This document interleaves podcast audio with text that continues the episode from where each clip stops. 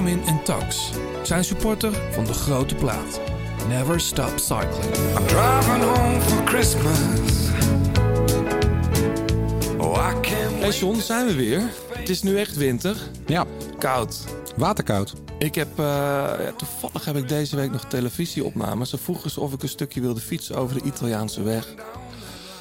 Eh, dus ik heb mijn winterspullen maar even opgezocht. Maar eh, ik pak mijn gravelbike denk ik maar. Ehm, laatste keer met Timon. Vandaag alweer de tweede, onze tweede kerstbrunch.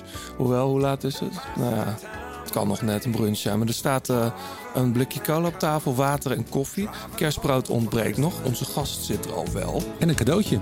Ja, inderdaad. Ik ben jaloers, want er zit één paar in. Of, eh, nou, we hebben het er zo nog... Oh, twee. Oh, we hebben het er zo nog wel even over. Ehm, relatief onbekend, denk ik, bij het grote publiek. Maar niet bij het wielenpubliek. Iedereen kent haar.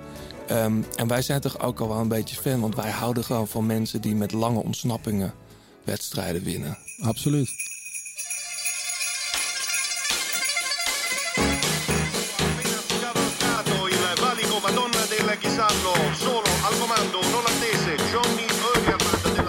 Is de liefde. De liefde voor de koers. Blijleven trok de sprint aan.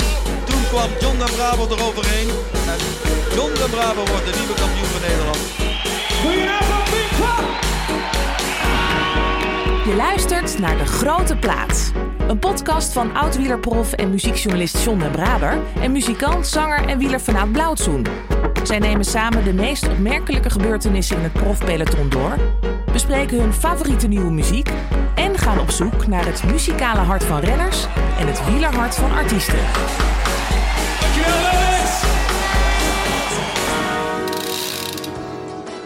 Het internationale wielerpubliek leerde haar kennen tijdens de Amstel Gold Race van 2018, waar ze tot strijdlustigste renner werd gekroond, maar net naast het podium belandde.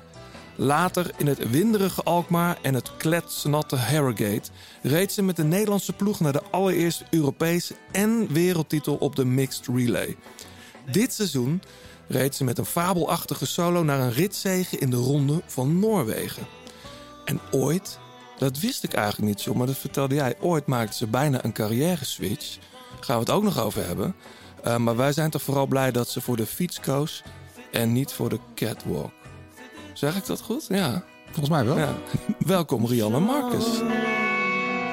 Dankjewel. Leuk dat je er bent. Ja, leuk dat ik hier mag zijn. Ben jij een vaste luisteraar van de Grote Plaat? Ja, ik ben, eh, fluisteren. Ja, ik ben denk ik een van jullie grootste fans. Oh, wat, wat leuk. Hey, ehm, heb jij vakantie nu? Of hoe zit het eigenlijk? Want het is begin december. De Sint is net vertrokken. De kerstboom staat al, neem ik aan, bij jou. Ja, ik eh, ben eh, wel groot kerstfan. dus Echt? mijn kerstboom die staat, ja. Sinds wanneer? Al eh, anderhalve week ben ik Oh, gewoon. echt? Oh, wat goed. Ja. Ja. Hey, maar je hebt, is het, voor veel renners is het eh, november een soort van rommelmaand of vakantiemaand. Maar dan december moet je weer aan de bak. Ja, klopt. Ehm, training is inderdaad weer begonnen. En ehm, ook wel lekker, moet ik zeggen. Want als je dan drie weken echt niks hebt gedaan... dan is het ook wel weer echt eh, fijn om weer te gaan sporten. Mhm. Maar ehm, ja, we gaan binnenkort op de eerste keer eh, op trainingskamp. eh, volgende week maandag. Dus dan gaat het weer echt een beetje Oh, we zijn beginnen. echt net op tijd. Ja, ja. Waar gaan jullie heen? Nou, dat is best wel een apart verhaal. Want ehm, ze hebben een out of the comfort zone eh, trainingskamp bedacht. Dus wij gaan eh, naar Noorwegen. Bjarne Ries aangesloten bij Jumbo-Visma. Ja, wij gaan naar Noorwegen, naar Oslo. En daar gaan we langlaufen. Oh, Ja, wat bijzonder. ja. Pittig ook. Maar Ja. ik, ik kan me zo voorstellen dat je ook wel zin hebt in gewoon een beetje zon. Ik denk lekker naar Kalpen of zo, weet je Ja. Ja, ik zei wel eh, tegen mijn trainster van... eh poeh, even schakelen. Want eh, ik had eigenlijk gezegd van ik blijf tot 1 januari thuis. Ehm, ook voor mijn vriend, omdat ik daarna natuurlijk weer veel op pad ga en Ja. zo. En eh, toen hoorde ik dus dat we naar Noorwegen gingen. Toen dacht ik echt, shit. Ik dacht, ja, het weer hier in Nederland is gewoon echt best wel slecht nu natuurlijk. Mhm. Dus een weekje zon had ook wel lekker geweest, moet ik zeggen. Maar Maar jullie gaan met het hele damesteam van Jumbo-Visma? ja, ja. en, de, en dat is geen gecombineerd kamp met, eh, met, eh, met de heren. Want dat zie je ook nog wel eens, toch? Dat er dan een persmoment is en een nieuwe shirts en dat soort dingen. Ja, dus dat hebben we ook wel. Dat is 22 en 23 december. Ehm, hebben we in Ride Out in Amsterdam hebben we de ploegpresentatie ook. Ehm, vorig jaar, of dit jaar bedoel ik in januari, zijn we ook gezamenlijk op trainingskamp geweest. Maar nu hebben ze het wel iets meer gescheiden. Dus er zit wel een kleine overlap in het januari-kamp in Spanje. Maar eh, we gaan wel iets meer eh, apart dit jaar. Ja. En je zei al, ik ben gek, eh, gek van, de, van, kerst, van de kerstdagen. Ja. Ehm, eh, gaat, staat, heb je daar wel tijd voor dan nu? Want het diner moet worden voorbereid. Je hebt dan de 23e nog een eh, pers, eh, persmoment. Dat is wel ingewikkeld allemaal. Ja, ik moet wel zeggen dat het wel druk is. Ehm, eh, veel familie ook. Dus veel eh, adressen waar we altijd langs willen eigenlijk. Ja. En er zitten ook nog wel gewoon een aantal afspraken tussen met de ploeg ook. Met de KMU gaan we nog een keer samenkomen.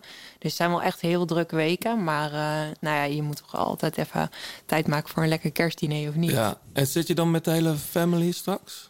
Ja, ja, dat is wel de bedoeling. Maar ik, hoop, ja, ik weet niet wat de regels zijn en Nee. hoe het allemaal Oh ja, gaat lopen. Maar eh, Oh ja. ik hoop het wel. Ik hoop We dat gaan het er niet over hebben. Nee, we gaan daar. Nee. Nee. Hey, maar even wel, wel even over dat kerstdiner. Want wordt er dan, ik kan me zo voorstellen bij jullie, wordt er dan over schaatsen of over koers gepraat? Ja, allebei. Ja, want even voor de goede orde. Ja, je hebt twee zussen. Die schaatsen en fietsen ook? Of zijn vooral schaatsers? Hoe moet ik dat zien? Ja, we zijn eigenlijk alle drie. Ik ben de oudste van, eh, van eh, drie meiden. En we zijn alle drie begonnen met schaatsen. Ja. En ik heb eigenlijk als eerste overstap gemaakt naar het fietsen. En mijn middelste zusje Femke, die rijdt nu bij Parkhotel. Dus die heeft ook geschaatst bij Jong Oranje, bij Ja. Ice Skate. Ja. En ehm, ja, die is ook overgestapt naar het fietsen. En mijn jongste zusje, die zit echt nog volledig in het schaatsen. Die is wel iets meer gestopt met lange baan. Dus die is nu vooral marathon actief. Oké, dus de stap naar, naar de fiets is eigenlijk ook niet zo heel klein voor haar. Ja, ik denk dat die wel bij het schaatsen Oh gaat ja? blijven. Ja, Ja. want ehm, ja, die, ze vindt fietsen wel leuk, maar ze is niet zo'n eh pelotonheld. Dus Nee? nee? nee. Maar, en jij wel? Nou, dat heb ik wel moeten leren, ja. Ja. ja. Gaan we het zo over hebben. Ja. Ehm, eh, ook over de Ronde van Noorwegen natuurlijk. Eerst even, John, naar, naar wat jou allemaal is opgevallen. Ik was nogal onder, ondersteboven van, die, van, eh, van dit. What would you like to see the Beatles do now? The show, a live show. Heb je hem al gezien? Ik heb een gedeelte gezien, ja.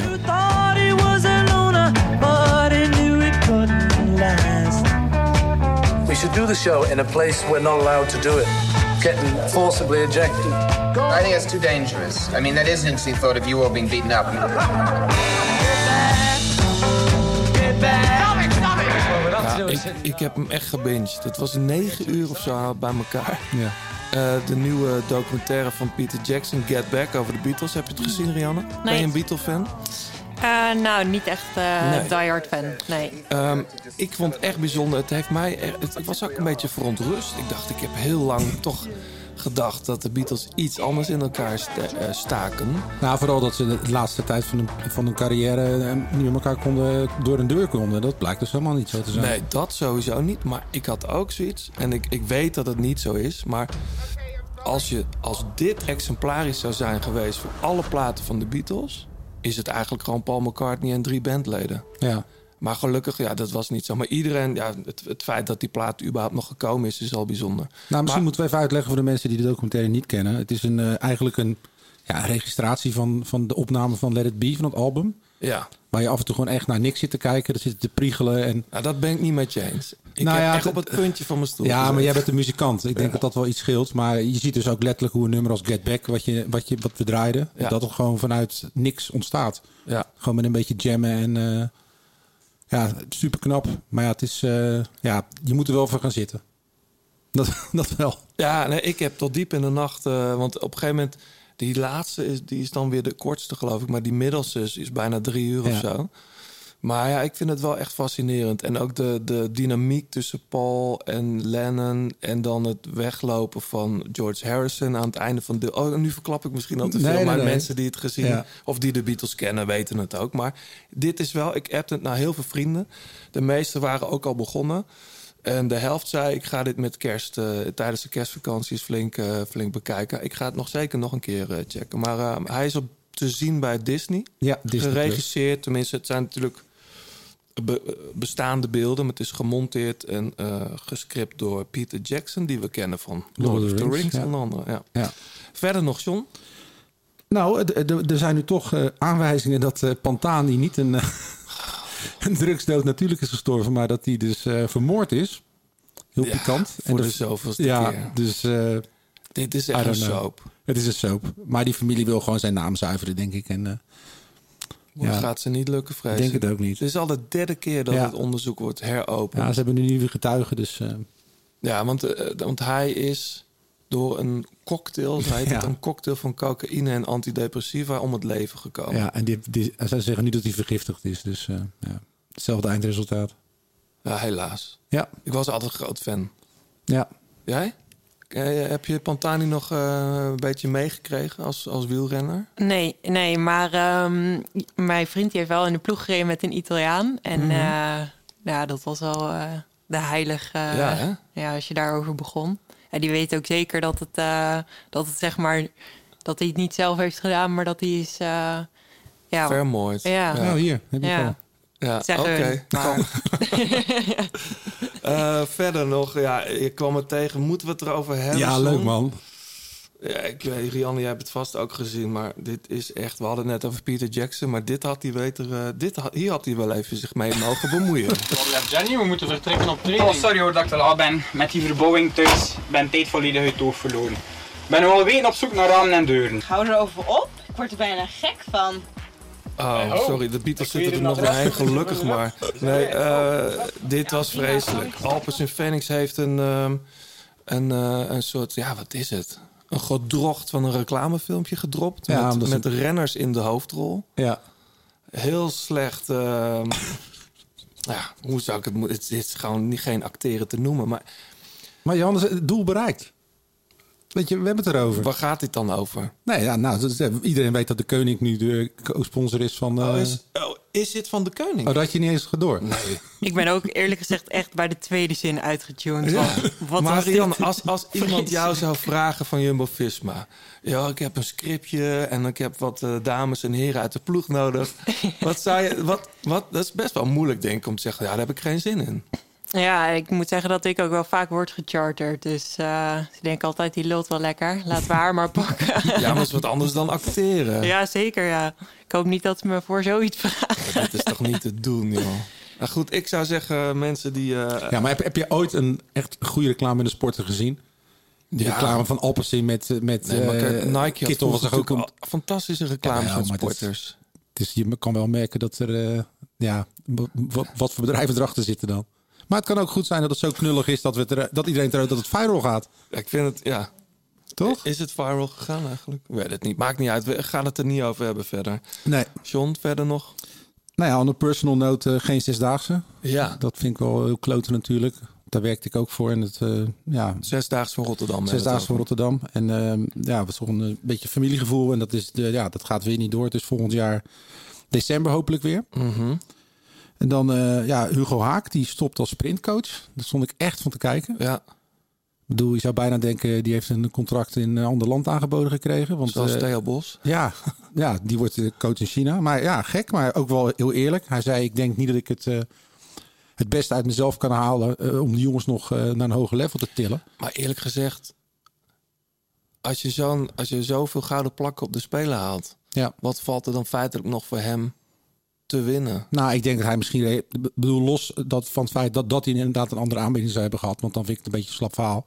Mm. Maar hij denkt dat hij gewoon de- bij zichzelf niet boven kan halen... om die jongens nog een, nog een hoger level te tillen. Mm. En dat is wel heel eerlijk. Want hij kan natuurlijk makkelijk gewoon lekker met die gasten aan de slag gaan. En eh, straks weer de succescoach zijn... eh, die op Sportgala coach van het jaar wordt. Maar hij denkt dat er een andere voor die groep moet staan. Dus, nou. Nou ja, misschien ook wel heel goed, toch? Ja, nou ja, ik, ik, ik, het was een heel, heel sumier interviewtje bij de NOS. Maar ik zou er wel iets meer over willen weten. Verder. Ja, blijf bij de baan. Martijn Bugli die gaat op de weg eh, rijden. Ja. Vind ik opmerkelijk. Hoe oud is hij eigenlijk? Weet ik eigenlijk niet. Ook onder 30 denk ik.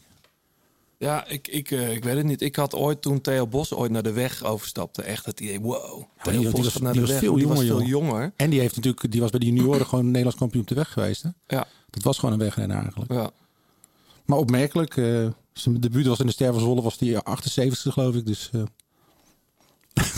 Maar dat we- was dat een massasprint? ja, maar niet, dan, niet tussen 80 man denk ik. Nee, nee. Maar goed, nieuwe uitdaging. Dus, ehm, en jij hebt ook nog een nieuwtje?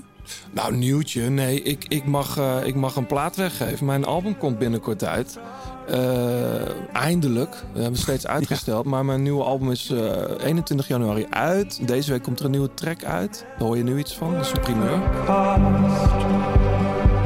17 weeks ago and 40 exit wounds.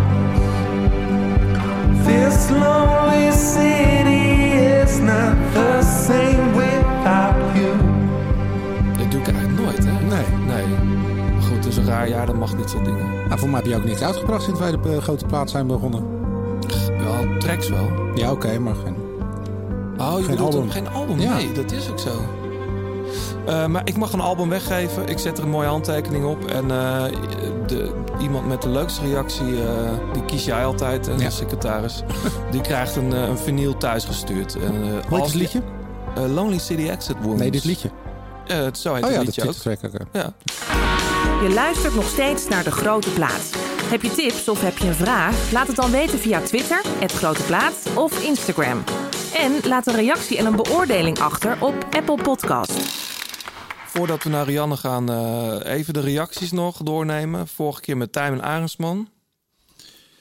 Yes. Nou, ehm, ik kreeg een reactie van eh Conrad Berghoef. Dat is een vriend van de show, reageert al vaker.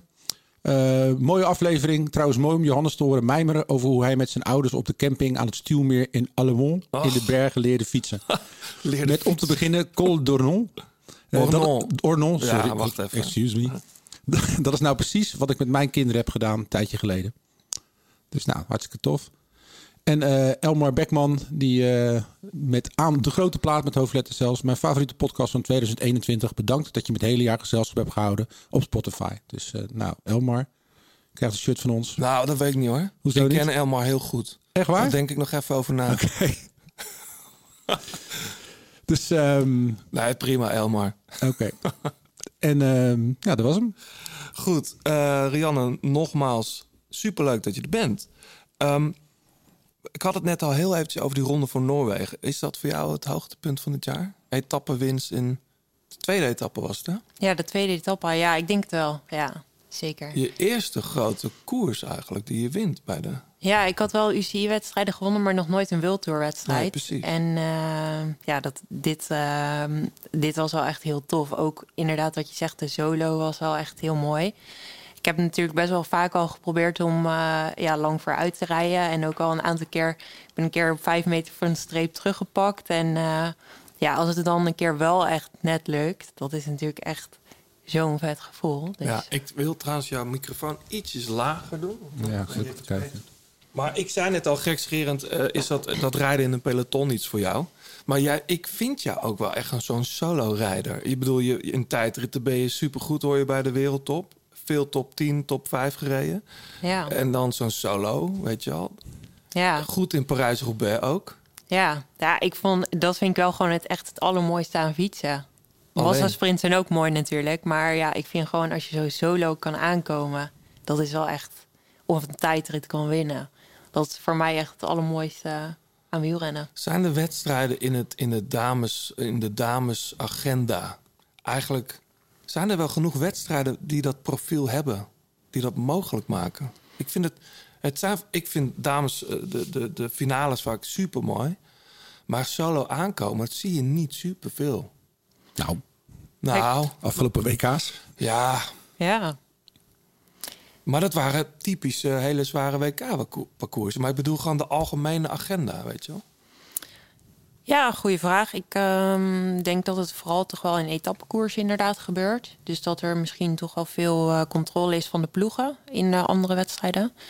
Maar ehm, nou ja, ik denk dat je altijd de kans kan grijpen. Ja. En die heb jij gegrepen. Ja, zeker. Ehm, hoe, hoe zijn de reacties dan naar achter, achteraf in het peloton? Want ik vraag me soms af, ik denk, dat zei ik in het begin al, niet heel veel, het groot publiek kent jou nog niet echt. Ik Mhm. denk dat dat heel snel gaat veranderen.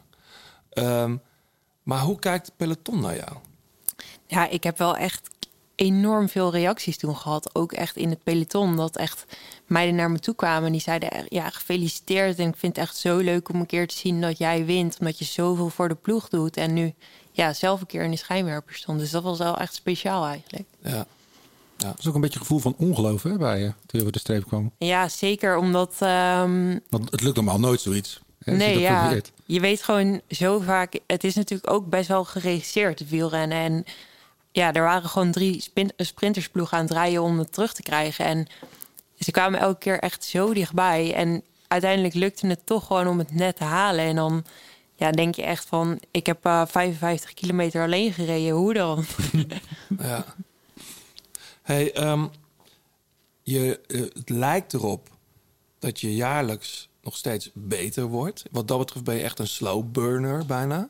Ja. Waar ligt die grens eigenlijk? Ben jij... Ik schrok er trouwens van dat je vorig jaar maar negen wedstrijden gereden hebt. Ja, dat was wel echt eh flink Ik dacht, je tegenvaller. bent niet geblesseerd geweest. Het was Nee, puur klopt. door corona. Ja, ik was wel echt eh, in goede doen ook vorig jaar. Ik heb de wedstrijden waar ik reed wel echt eh, goed gereden Ja. ook. Dus dat was wel echt eh, best wel een lastig jaar. Maar goed, hoort natuurlijk ook een beetje bij het fietsen, omgaan met tegenslagen. Mhm. En ehm, ja, ik heb de kansen die ik kreeg in ieder geval vorig jaar geprobeerd om met volle, of ja, met gewoon echt te grijpen en mezelf te laten zien daar dat ik het waard was om te koersen. Dus dat Ja. is denk ik het enige wat je kan doen als renner, toch? Spreken met de benen. Absoluut, absoluut. Hey, maar die grens waar ik het over had, waar ligt dat voor jou? Hoeveel stappen kan jij nog zetten? Ja, ik hoop wel dat ik eh, nog een paar stappen kan zetten natuurlijk. Want ehm, ja, het doel afgelopen jaar, of dit zeg maar jaar, was om, eh, om onderdeel te worden van de World Tour finales. Ik denk dat ik dat heel vaak heb bewezen. En eh, ja, ik hoop nog dat we nog lang niet uitgegroeid zijn en inderdaad stappen blijven maken. Ja. Hey, ik zei, we zeiden, hadden het al even kort over. Jij komt eigenlijk uit een schaatsfamilie. Ja, klopt. Ja. Terwijl de helft van de mensen daar fietst inmiddels. Ja. Meer dan de helft. Ja, Hoe, hoe is dat zo gekomen? Dat jullie zijn gaan fietsen, jij dan en je, en je jongere zus? Ja, ja. ehm, nou, mijn vader die eh, deed altijd voetballen. En op een gegeven moment, eh, ja, eigenlijk een beetje eh, veel voorkomend verhaal, denk ik, maar is je knieën kapot Mm. En toen eh, gaan fietsen. En hij schaatste ook wel altijd. En eigenlijk is hij ja, best wel een redelijk goede amateur geweest. Dus veel criteriums gewonnen. En ehm, ja, toen wij geboren werden en op een gegeven moment op een leeftijd kwamen dat we mee konden naar de koers, ging ik in het weekend ging ik altijd met mijn vader mee. Nou, dan was er vaak een Rabodik wandelrace voor de wedstrijd. Ja, daar je meedoen natuurlijk. Ja, Ja, dat is toch belangrijk geweest, hè? Ja, ja, ja. En ehm, ja, zo reed ik toch minimaal wel drie keer eh, in het jaar zo'n wedstrijdje. Uiteindelijk ook het NK gaan rijden, Rabodik bandenrace. En ehm, eigenlijk toen ik daar uitgegroeid was, ben ik ehm, eh, lid geworden van de club, waar mijn vader ook lid was. En eerst was dus het, het schaatsen voor mij, vond ik leuker. Maar nu, eh, of ja, uiteindelijk het fietsen. Ja. En wat, en wat, wat voor schaatser was je dan? Ja, ik was wel echt eh, drie kilometer, vijf kilometer fan. Dus wel lange afstand. En ook uiteindelijk marathons gereden. Dat vond ik Oh ook ja. wel leuk. Maar ehm, het sprint was niet eh, voor mij weggelegd. Wat, wat vond je dan zo leuk aan het fietsen? nou, eigenlijk dus vooral ehm, ben ik echt gaan fietsen vanwege tijdritten. Dus ik vond het leukste om dan in mijn eentje echt zo hard mogelijk proberen om dat parcours te rijden. En ehm, jezelf echt rechtstreeks eigenlijk te meten met anderen. Mhm. En ook omdat ik dus niet echt typisch ben opgegroeid op de wielrenfiets. Was in het begin, als je dan in zo'n wedstrijdje komt, is, is dat pelotonrijden natuurlijk best wel eng. En dat spelletje is best wel een, eh, een stap. Dus dat ben ik uiteindelijk ook leuk gaan vinden. Maar, maar tijdrijden is wel echt. eh, Maar ik kan me wel ja. voorstellen dat als je jong bent... en, en wat, wat zijn er eigenlijk voor tijdritten? Dat zijn er niet zoveel, denk ik. Ja, gewoon eh, soms eh, is het een rondje op het wielerparcours, dus dan een kilometer of zo. Ehm, maar wij deden bij de club ook altijd tijdritjes over het Amsterdam-Rijnkanaal. Oké. Rechtdoor om het pionnetje en dan weer terug. Ehm, ja, heel simpel eigenlijk. En was je dan gelijk ook met materiaal bezig en je houding en aerodynamica? Ja, wel een beetje, want mijn vader die, ehm, die kon ook goed tijdrijden. En ja, die, dan krijg je natuurlijk ook gewoon mee dat je dan zie je die helmen met die punten en eh, die dichte wielen of die vierspaaks. Dat geluid? Zo, dat geluid. Ja, als kind is dat natuurlijk echt geweldig. Ja. Dus eh, dan wil je er natuurlijk eigenlijk ook. Maar er zit een limiet op. Dan mag je volgens mij pas vanaf de nieuwelingen eh, mee gaan rijden. Klopt, ja. Maar dat ik voor het eerst van mijn vader zo'n punthelm op mocht, dat vond ik wel echt geweldig, ja. Maar ik zag wel voor de vorige keer bij de kerstbrunch Tijm een arendsbandier. Die liet even zien hoe opgevouwen die op zo'n fiets moet zitten. Ja, ik, ik vond dat echt eh, best wel shocking eigenlijk. Ik zie het natuurlijk wel op tv en ik ben wel veel bij de koers, maar dan dat flitst het voorbij. Maar als je dan een uur in zo'n houding moet zitten, Ja. dat is toch geen lol aan? Ja, dat vind ik echt het mooiste. Soms vragen mensen ook wel eens... want je hebt natuurlijk binnen tijdrit ook best wel veel eh, verschillende type wedstrijden. Dus wat meer aanzetten, bochten, technisch. Ja, ik vind het echt mooi als het eh, gewoon echt 30 of 35 kilometer rechtdoor is. Dat je gewoon alleen maar zo die schoudertjes moet optrekken. En, En ja, dat je gewoon... Ja, dat vind ik eigenlijk echt het allermooiste. Maar kun, kun je ook aan mensen uitleggen, want er wordt wel eens gezegd van ja, wat, wat vind je zo leuk aan tijdrijden? Maar eigenlijk is tijdrijden natuurlijk helemaal niet leuk. Het is pijnlijden, je gaat van start en je weet één ding zeker. Je krijgt helemaal stuk. Ja, klopt. Ja, het is eigenlijk natuurlijk verschrikkelijk. Maar je bent continu met jezelf in je gedachten aan het bettelen tijdens zo'n tijdrit. En ja, wat ik zeg, je moet denken aan je schouders, ehm, aan, dat, aan die aerodynamica. Maar je probeert natuurlijk ook continu zo hard als je kan eigenlijk te trappen. Je moet het ook indelen als het wat langer is. En ja, die battle gewoon met jezelf de hele tijd om zo snel mogelijk te zijn. Ja, dat vind ik echt eh superleuk om mee bezig te zijn. Wie, wie waren jouw helden toen je begon op de fiets? Ja, Fabian Cancellara. Echt? Ja. natuurlijk een ultieme tijdrijder. Ja. Heb je hem wel eens ontmoet? Ja, ook op vele follies. Eh, dus dat was ook echt heel vet. Maar ehm, ja, er was gewoon zo'n lange rij waar die handtekening aan het zetten Oh, was. ja. En eh, ja, dat was grappig, want toen had ik dus ook een paar sokken meegenomen. Dus ik denk, ik moet even een beetje iets ook, je speciaals begint doen. over sokken. Wa- Want net, ja, jij komt hier binnen met een, met een cadeau. Ik heb een cadeautje voor jullie. Ja. Daar zitten twee paar sokken in van Sokkeloen. Ja. Ik vind het eerlijk gezegd de lekkerste sokken om aan te hebben op de fiets. Ik heb er toevallig twee paar slechts van, maar eh, die, draag ik het, die draag ik het liefst. Jouw vriend Jasper is daar de oprichter bedenker van. Ja, klopt. Ja, die is eigenlijk een paar jaar geleden toen hij... eh, eh, ja, een beetje dat hij bij Rabobank Development reed, is hij daarmee begonnen. En dan ging hij zelf ging hij zijn sokken, ging hij het zoompje ging hij losmaken. En dan deed hij een elastiekje erin naaien, dat ze wat hoger kwamen, dat ze goed bleven zitten. Ja. En uiteindelijk is dat, na een heel lang proces, is dat uiteindelijk uitgerold in zijn eigen merk, Sokkeloen. Sokkeloen, En ja. ehm, Ja, ja, en, er- hier, en hier nu met de grote plaatlogo Ja, erop. dat is eh, logo erop, Het mooi. wordt wel een eh, feestje om daar mee te rijden. ja, Ja. Ehm, maar hoe kwamen we hierop? Fabian. Dus, Fabian ja, dus ik denk, ik ga naar hem toe en ik geef hem een paar sokken. Misschien maak ik een beetje indruk. ja. Ja, en? Ja, hij vond het wel leuk, maar ja, er stonden er nog honderd achter me, dus het was ook wel weer een kort Ja. gesprek. Ja. hey, ehm, tijdrijden in de mixed relay. We zeiden het al, ik vind het nog steeds een vreemd onderdeel. Wel leuk, maar ja, je bent wereldkampioen. Ja, Twee jaar geleden? 2019. Ja, 19, ja. Ja. Wel gek eigenlijk, want dat wereldkampioen truitje... daar heb je nooit later in gereden dan. Nee, klopt. Ehm, hij heeft heel lang in de huiskamer gehangen. Hij Ja. hangt nu boven in de logeerkamer. Dus, Ingelijst? Of? eh, eh, nee, gewoon aan een hangertje Ja. met een medaille erbij. En ehm, ja, daar ben ik wel trots op. Ja, natuurlijk. Ja, ik, wil, ik wil het ook niet downgraden tot... Ik bedoel, het is super knap. Maar Ja. het is zo'n vreemd onderdeel nog. Misschien ook omdat het nog zo nieuw is... en er nog heel weinig geschiedenis is. Ja, is klopt. het wa- wat jou betreft een keeper, zeg maar?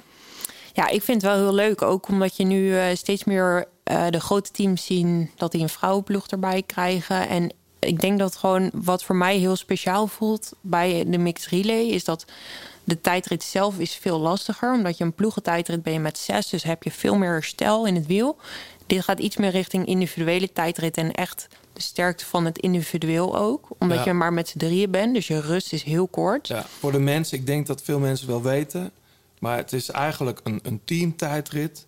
met een, drie dames, drie heren. Ja. En de dames starten los van de heren. Ja. Starten die altijd als eerste eigenlijk? Dat weet ik eigenlijk niet. Of is dat, De, wisselt dat ja, de mannen gaan altijd eerst. als eerste? Ja, ja. ja. En ehm, ja, wat gewoon heel leuk is, is dat je eigenlijk een beetje contact hebt ook met die mannelijke profs. En dat die jou ook moeten meenemen in dat proces. En die hebben natuurlijk eigenlijk wat meer kennis over. ehm, ja, weet je, die budgets zijn veel groter. Dus ze hebben veel meer kennis over tijdrijden en zo. En ja, het is voor hun ook heel belangrijk dat wij het heel goed doen. Dus je gaat een beetje mee met z'n allen in dat proces. En ze proberen je wat te leren. En eh, ja, ik vind dat contact gewoon heel leuk. En ja, het is ook echt super nerveus. Want als je daar op het startpodium staat, dan sta je dus te wachten tot die mannen binnenkomen. Zo, dat is echt een super spannend moment. Want dan sta je daar en dan, dan zie je op een gegeven moment die gasten zo op je afkomen. En dan weet je van als hun over de finish gaan, dan moet jij starten. Dus eh, ja, ik vind het heel eh, leuk. Het, het lijkt me veel, veel nerveuzer dan een, een, een solo-tijdrit, een individuele tijdrit. Ja, zeker. Ja. Omdat eh, ja, als je een individuele tijd hebt, heb je alles zelf in de hand natuurlijk. Dus Ja. kan je maar één. eh, of ja dan, ja, dan doe je het gewoon voor jezelf. Als jij het verpest, dan heb jij een slechte dag. Maar als je bij de groep bent, Ja. als jij lost te vroeg, of eh, je kopbeurten zijn niet goed genoeg, of je snokt en je rijdt de rest eh, kapot. Ja, dan verpest je het voor zes man. Ja, die druk is wel echt. eh Ja, maar dat ik herken vond- ik wel hoor. Dat, Ja. dat is. eh want inderdaad, individuele, individuele tijdrit. Ja, dan heb je alleen jezelf ermee als je slecht bent. Maar als jij in een ploegentijd en- en je bent de slechtste, dan heb je. Ja, dan, heb, je- dan, dan zit je ook echt alleen maar af te zien of je, of je moet er zelfs vanaf. Dus Maar dat- dit jaar waren jullie tweede. Ja, Eh, de dames, jullie hadden wel als dames de snelste tijd. ja. Wo- Wat wordt er dan achteraf tegen die jongens gezegd? ja dat harder moet al rijden. Ja, ja, maar echt, hoe gaat dat dan? Want Bouke daar, eh, Jos van Emden en Koen. Koen Bouwman. Ja. Ja, ja ik denk dat het, ehm, het... Het is gewoon heel leuk om te zien dat de, dat de landen het serieuzer nemen. Dus het startveld was gewoon heel sterk dit jaar. En ehm, ja, het is natuurlijk wel met de Nederlandse dames wel ehm, wat makkelijker. Wij zijn toch wel echt een van de landen waar we ja, wel echt erbovenuit steken. Ja. Maar ja, wij kunnen het niet zonder de mannen. Dus we moeten het ook met hun doen. En eh, ja, er Ja, kun je, eh, Ghana erbij rijden. Hè? Dat scheelt natuurlijk een eh, slok op een borrel. Zo ja, zeker, op dit parcours. Ja, maar goed, Zo vlak. eh, en, eh, Italië slechts derde. Hè? De Duitsers wonnen dit jaar toch? Of ben ik nou in de war met voor? Nee, Nee, klopt, De ja. Duitsers wonnen dit Oh jaar. ja, tuurlijk. Ja. Ja, maar ehm, ja, dat maakt het ook wel weer leuk. Want inderdaad, Ghana deed mee. Nou ja, dat is natuurlijk op dit moment op zo'n vlakke tijdrit is dat wel echt de nummer één. Maar ja, hij kan het ook niet zonder de dames en eh, ook zonder zijn mannen. Dus eh, ja, je moet het echt met elkaar doen. En je ziet dan wel dat Duitsland, bijvoorbeeld die drie meiden, die rijden ook op de baan. Die zijn Olympisch kampioen natuurlijk, ploegachtervolging. Dus dat het wel echt dat teamaspect, dat dat ook echt heel veel brengt. En ja, dat, ik vind dat wel heel eh, leuk. Maar je, je zei net van, van, van die mannen, daar leren wij veel van. Kun je, kun je een concreet voorbeeldje geven? Wat je bijvoorbeeld in Alkmaar of in Harrogate hebt gehoord van die jongens van... hé, hey, zou ik er nog nooit over nagedacht? Nou, zeker het eerste jaar was het wel echt van... ja, hoe lang ga je nou eigenlijk op kop rijden? Eh, met de ploegentijdrit doe je toch iets korter... maar is je herstel veel langer. Dus eh, qua beurten, hoe lang doe je dat? De volgorde. Ehm, ja, wie gaat achter wie en, en waarom. En, Hij ehm, dit jaar met Ellen van Dijk en Annemiek van Vleut. ja, ja. Dus ehm, ik mocht in het wiel van Ellen en voor Annemiek. Mhm. Dus ehm, ja, Dat is mazzel hebben. Ja. Ja, dat, ik weet het. Ik heb geen idee hoe dat Nou ja, als je achter van Vleuten zit, is het veel kleiner. Ja, zo'n Dijk is veel groter. Ja. ja. Maar ja, als je één keer moet overslaan, dan zit je weer achter een ander. Dus eh, dat, eh, Ja, is het dat is heel gebeurd. lastig, want het is ook natuurlijk belangrijk hoeveel seconden degene voor je op kop gaat. Want de tweede positie is eigenlijk de zwaarste positie. Dus je kan een beetje kiezen van ga je iemand of- opofferen, zet je die erachter om eh, ja, de zware beurt eigenlijk op te vangen en dan heel kort op kop te rijden, maar wel continu die zware beurten op te pakken. Mhm. Of eh, ga je in de, in de, zeg maar de meer safe positie in de derde, zodat je zelf ook sterkere beurten kan doen. Ja. Ja, het is gewoon een heel lastig spelletje. En het is heel erg aanvoelen wat je vorm van de dag is en hoe je daarop inspeelt. Ja, techniek is bij ploegentijdritten eh, natuurlijk echt gewoon essentieel. Heel veel mensen denken Mm. dat het... eh, dat, ja, het is gewoon hard fietsen. Maar dat, eh, dat is echt niet zo. Er zijn zoveel belangrijke dingen over hoe je overneemt of je niet... Je ziet ook wel eens ploegentijdritten dat ze dan als een soort waaier naar rechts sturen. Waardoor degene die erachter rijdt eigenlijk heel die, heel die ploeg in de, in, de weg, in de weg zit. Ja. Met drieën natuurlijk wel iets minder. Maar het is wel eh, echt een eh, heel belangrijk onderdeel, ja. Ja. Hey, Rianne, jij rijdt eh, misschien wel bij, mm, ja, dat weet ik eigenlijk wel zeker, een van de beste wielrenners aller tijden in de ploeg, Marianne Vos. Ja, Hoe, hoe is dat om, om met haar te werken, om voor haar te rijden, met haar te, te werken, te, te rijden? ja best wel bijzonder. Ik ga natuurlijk komend jaar wordt het zesde jaar dat we samen rijden. Ja. Dus ehm, ik, ik ken Marianne ondertussen best wel goed. En eh, ja, ze is eigenlijk gewoon heel rustig. Dus wat dat betreft. ehm, en ook ontzettend dankbaar en zo. En eh, ja, ik vind het wel heel leuk om met haar te rijden. Ik kan me ook wel voorstellen dat er misschien andere type renners zijn die dat niet vinden. Maar ja, wij. ehm, ja, Marianne is natuurlijk wat explosiever en zo. Ik heb dat iets minder. Dus ik vind het dan wel een hele mooie uitdaging om samen te rijden. En om dat dan. eh, ja, om ook haar bijvoorbeeld zo goed mogelijk te brengen in een finale. Dus. Ja, want dat is, dat is voornamelijk jouw taak als jullie samen in de wedstrijd starten. Ja, zeker. Ja. ja. Wat leer jij nog van haar? Ehm, ja, ik eh, eigenlijk. het- als je dus zo'n finale samenrijdt, dan gebeuren er natuurlijk altijd dingen. En we proberen dat altijd wel door te spreken na de wedstrijd. En ja, van die situaties leer je altijd heel veel. Dus ehm, ja, momenten van aangaan of keuzes die we maken met de trein. Dus eh, als ik een spoor of ja, een, een kant kies bijvoorbeeld, eh, dat soort dingen. En wat de gevolgen daarvan zijn, is natuurlijk zijn belangrijke situaties die we doornemen. Ehm, ja, en verder wat leer ik van haar als je haar ziet op trainingskamp en zo hoe gedreven ze is met fietsen. En ook qua techniek op de fiets en zo. Dat is echt ongelooflijk. Dus op een trainingskamp probeer ik wel af en toe even een afdaling achter haar aan te gaan en te kijken van hoe snijdt ze de bocht aan, wat doet ze. Ehm, ja, Ja. dat, daar kun je wel echt veel van leren. Maar wat ik me dan afvraag, hè, jij, jij rijdt al een tijd ook in, nu in die ploeg met haar. Dus dan tweede jaar, dit wordt het tweede jaar Jumbo-Visma. Ja. Ehm, probeer jij van haar te leren om op een gegeven moment, op een gegeven moment ook te gaan winnen, zoals zij dat doet? Ik bedoel, zij is veel explosiever natuurlijk, maar er zijn ook wedstrijden die jou beter liggen. Ehm, of ben jij bezig om een betere, ja, is altijd zo'n lelijk woord, knecht of een, eh, in dienst te rijden? Nee, ik probeer wel echt van, veel van haar te leren, ook voor de finales. Alleen ik denk wel dat wij qua type renster heel anders zijn. Dus dat ik ook wel op andere manieren ehm, de wedstrijd zal moeten winnen. Ja. Maar het is wel heel ehm, goed ook om, om wedstrijden terug te kijken... en om dingen samen door te nemen over hoe zij een keuze maakt natuurlijk. Omdat je, ja, wat haar idee was, waarom ze iets doet in de finale. En eh, daar kun je natuurlijk wel veel van leren. Ja. Sowieso haar, haar mentale weerbaarheid. Het is natuurlijk ook een tijdje wat slechter met Marianne gegaan. Ja. En nu is ze natuurlijk weer helemaal, tenminste ja, afgelopen jaren gewoon als van ouds. Is dat ook iets waar je over praat? Is dat iets wat ze zegt van joh, pas op dat je ook niet in die valkuil trapt? Die hebben ik mee ingestapt. Ja, we hebben het wel veel over situaties waar ze in heeft gezeten. En ook bijvoorbeeld ehm, ehm, op training of zo eh, doe je natuurlijk ook wel eens eh, domme dingen of zo. Eh, daar probeert je wel lessen in mee te geven. Ja. Welke domme dingen dan? Ja, kijk, je weet altijd wel dat je bijvoorbeeld soms ben je in, op een superwarme training of zo. En dan rij je een tankstation voorbij. En dan denk je van nou, over een half uur of zo pak ik nog wel wat te drinken. En dan kom je er uiteindelijk achter dat je dan dus eh, ja, een uur of zo te lang doorrijdt zonder drinken. En dat zijn allemaal dingen, ja, die kan je wel een keer doen, maar niet te veel, weet je wel. Dat, ja, daar lachen we nu eh, af en toe om. Maar ja, ze probeert wel lessen mee te geven natuurlijk die zij heeft meegemaakt in trainingen of in wedstrijden waarvan ze zegt van eh, ja, Ja. let op. Hey, bij, in het mannenwielrennen zie je natuurlijk de laatste jaren dat echt die jonge, jonge gasten van 21, 22 eh, meteen aan de top staan. Bij, bij de dames zijn vooralsnog zeg maar, de meiden zeg maar, die wat ouder zijn, richting 30 of zelfs daaroverheen, die zeg maar nog steeds de top bepalen. Ja. Hoe, hoe kijk jij daarnaar? Want jij bent 27 Ja, klopt. geworden dit jaar. Ja. Moet het dan voor jou nog beginnen? Of, of hoe, hoe zit dat eigenlijk? Nou, ik denk wel, ze zeggen vaak dat je toch al rond je dertigste als vrouw een beetje op je sterkste, ehm, in je sterkste jaren terechtkomt. Maar Mhm. ik denk dat we ook juist nu al best veel jonge meiden zien die al heel sterk rijden. Ja. Met een Wiebes en eh Vollering, maar natuurlijk ook eh, ja, de wereldkampioen. Ja. Eh, dat zijn wel allemaal jonge meiden. En eh, dus ik denk dat daar wel een beetje een ommekeer in komt nu. Net als bij de mannen eigenlijk. Net als bij Ja. de mannen, ja, zeker. En ik denk dat dat heel veel te maken heeft ook met begeleiding. Die, ehm, die, ja, er zijn toch best wel veel jonge meiden die meteen worden opgepakt bij wilterploegen. Die worden meteen goed begeleid met voeding.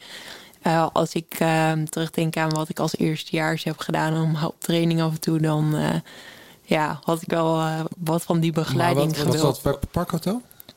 Ehm, ja, klopt. Ja. Het eerste jaar reed wel als LSE-team, maar dat was wel op Parktel, ja. ja. Ja. Maar, goed. wat voor gekke fouten maak je dan?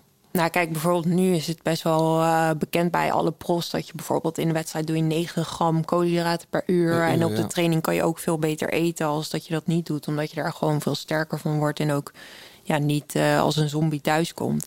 Ja, ik weet al dat ik als eerstejaars eh ging ik vijf, vijf uur trainen en dan had ik eh, met een beetje mazzel had ik twee bidonnetjes van 500 milliliter met een beetje limo. En nou, dan kwam ik afgedraaid thuis, jongen. En dan kan je de rest van de dag kan je slapen op de bank als de cross Ja. aanstaat. Ja, Maar ja, dat zou ik nu nooit meer doen. En ik denk wel. roofbouw is dat eigenlijk. Ja, tuurlijk. Ja.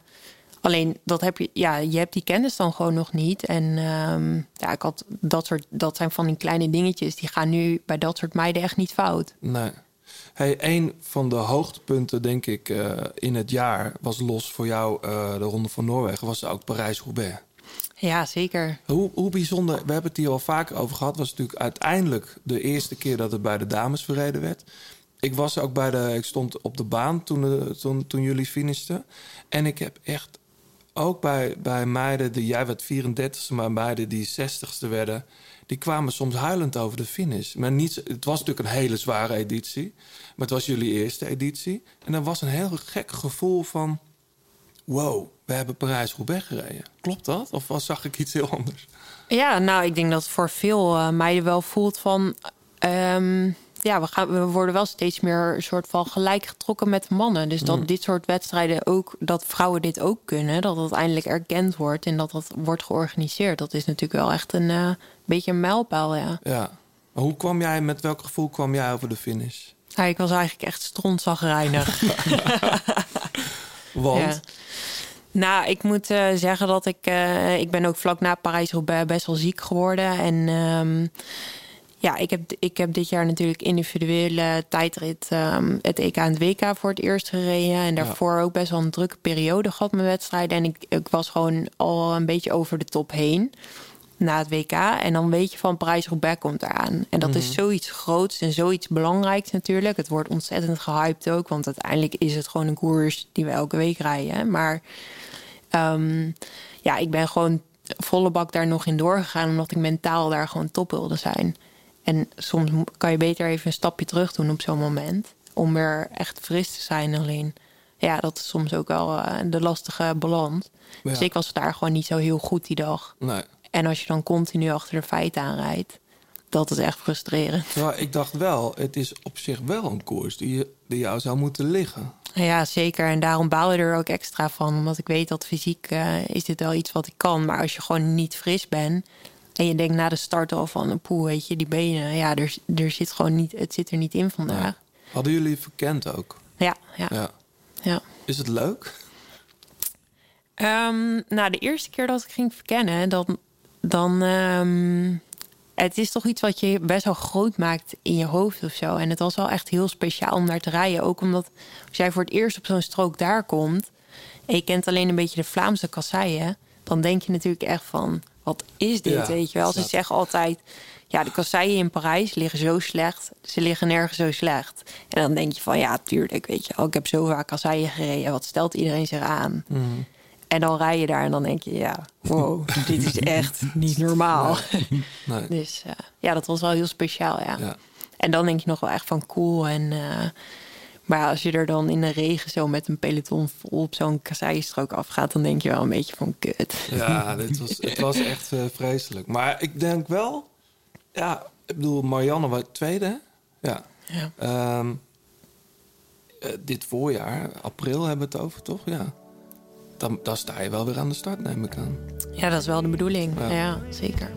Kan niet wachten. Ja, hè? Ja. De grote plaats kopgroep. All the time. Passing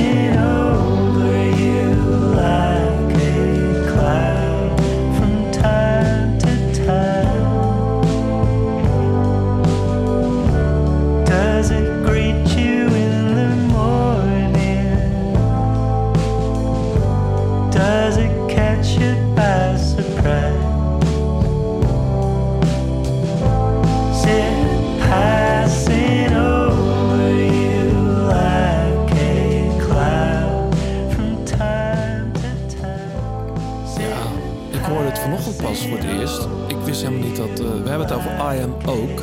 Ja. Eh, dat eh, Thijs Kuiken, want dat is de man achter I Am Ook... dat die nieuwe plaat uit had, of een single. Een single is het. Heel mooi. Ja, vorige natuurlijk een album. En ja, dat is nou echt zo'n band waarvan ik hoop dat ze een groot publiek krijgen. Het is een jongen is al best wel lang bezig. Ik heb ze voor het eerst ooit gezien op Into the Great Wide Open. Ja. Stonden ze voor bij de kerk op het kerkhof te spelen. Mhm.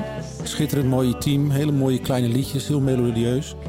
En eh, ja, al zes platen onderweg. Zeven platen volgens mij. Maar hele mooie platen gemaakt Ja. al. Ehm, ik Heel productief is die ook. Ja.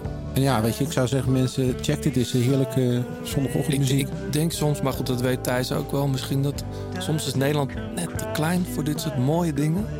Omdat, en eh, hij speelt ook wel veel internationaal. Ik denk ook dat hij daarvan moet hebben. Want je kunt in Nederland één keer het rondje doen met deze stijl. Ja. Maar eh, ik denk dat eh, in de rest van de wereld dat hij veel meer te zoeken heeft. Ja.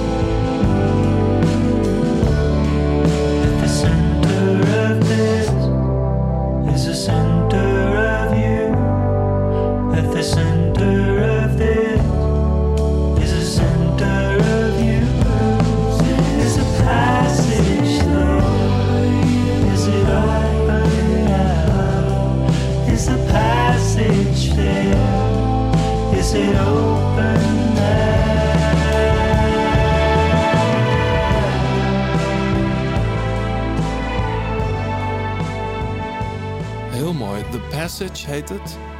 Eh, is, net, is hij net uit deze week, eh, John? Vorige maand. Of, Oh, eh, vorige- de 23 november, dus een week Oké, of ja.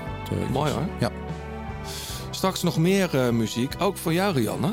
Erg toffe muziek meegenomen. We gaan niet alles draaien, maar we gaan, we gaan het er zeker even over hebben. Hip-hop onder andere. En Nederlandstalige ja, hip-hop ook. Ehm, eerst eventjes nog naar onze ehm, zeer gewaardeerde sponsoren. Carmen en Tax. Ja. Ik heb deze week wel weer veel op de tax gezeten. Ik zag het, ja. Ja, ik moet toch een beetje fit blijven eh, als ik niet optreed.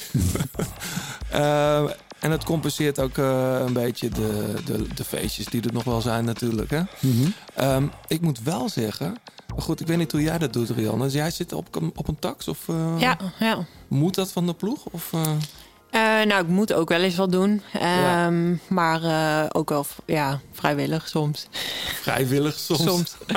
Maar jij bent meer een, echt een, een, een graveler mountainbiker, toch? Ja, ik moet zeggen dat ik wel echt het liefst eh, naar buiten ga. Maar ik, ehm, ja, soms kan ik Zwift ook wel echt leuk vinden hoor. Maar eh, het hoeft niet elke week voor mij. Nee.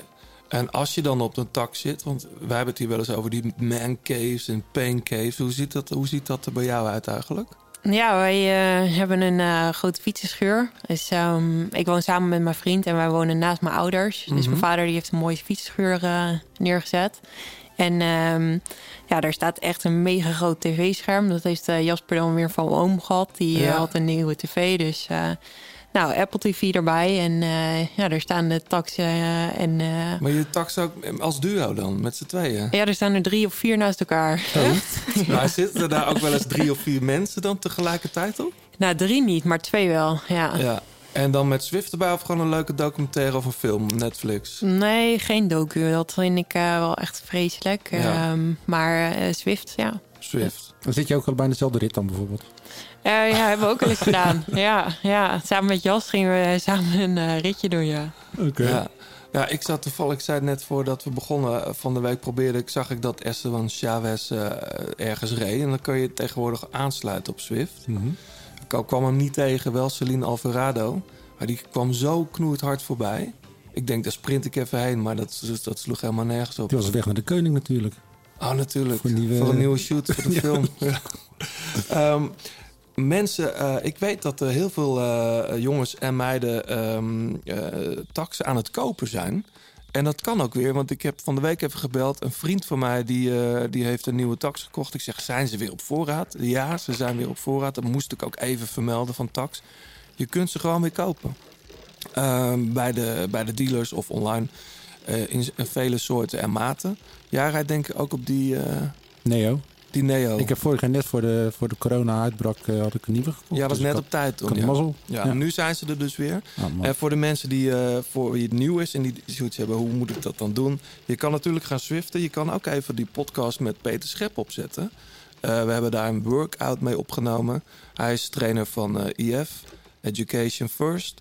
Ehm, die training is best wel leuk, eh, Rianne. Als jij hem een keer wilt doen, het is wel bij eh, een concurrerende ploeg. Maar ehm, dat is maar 40 minuten. Dat hou je nog net vol.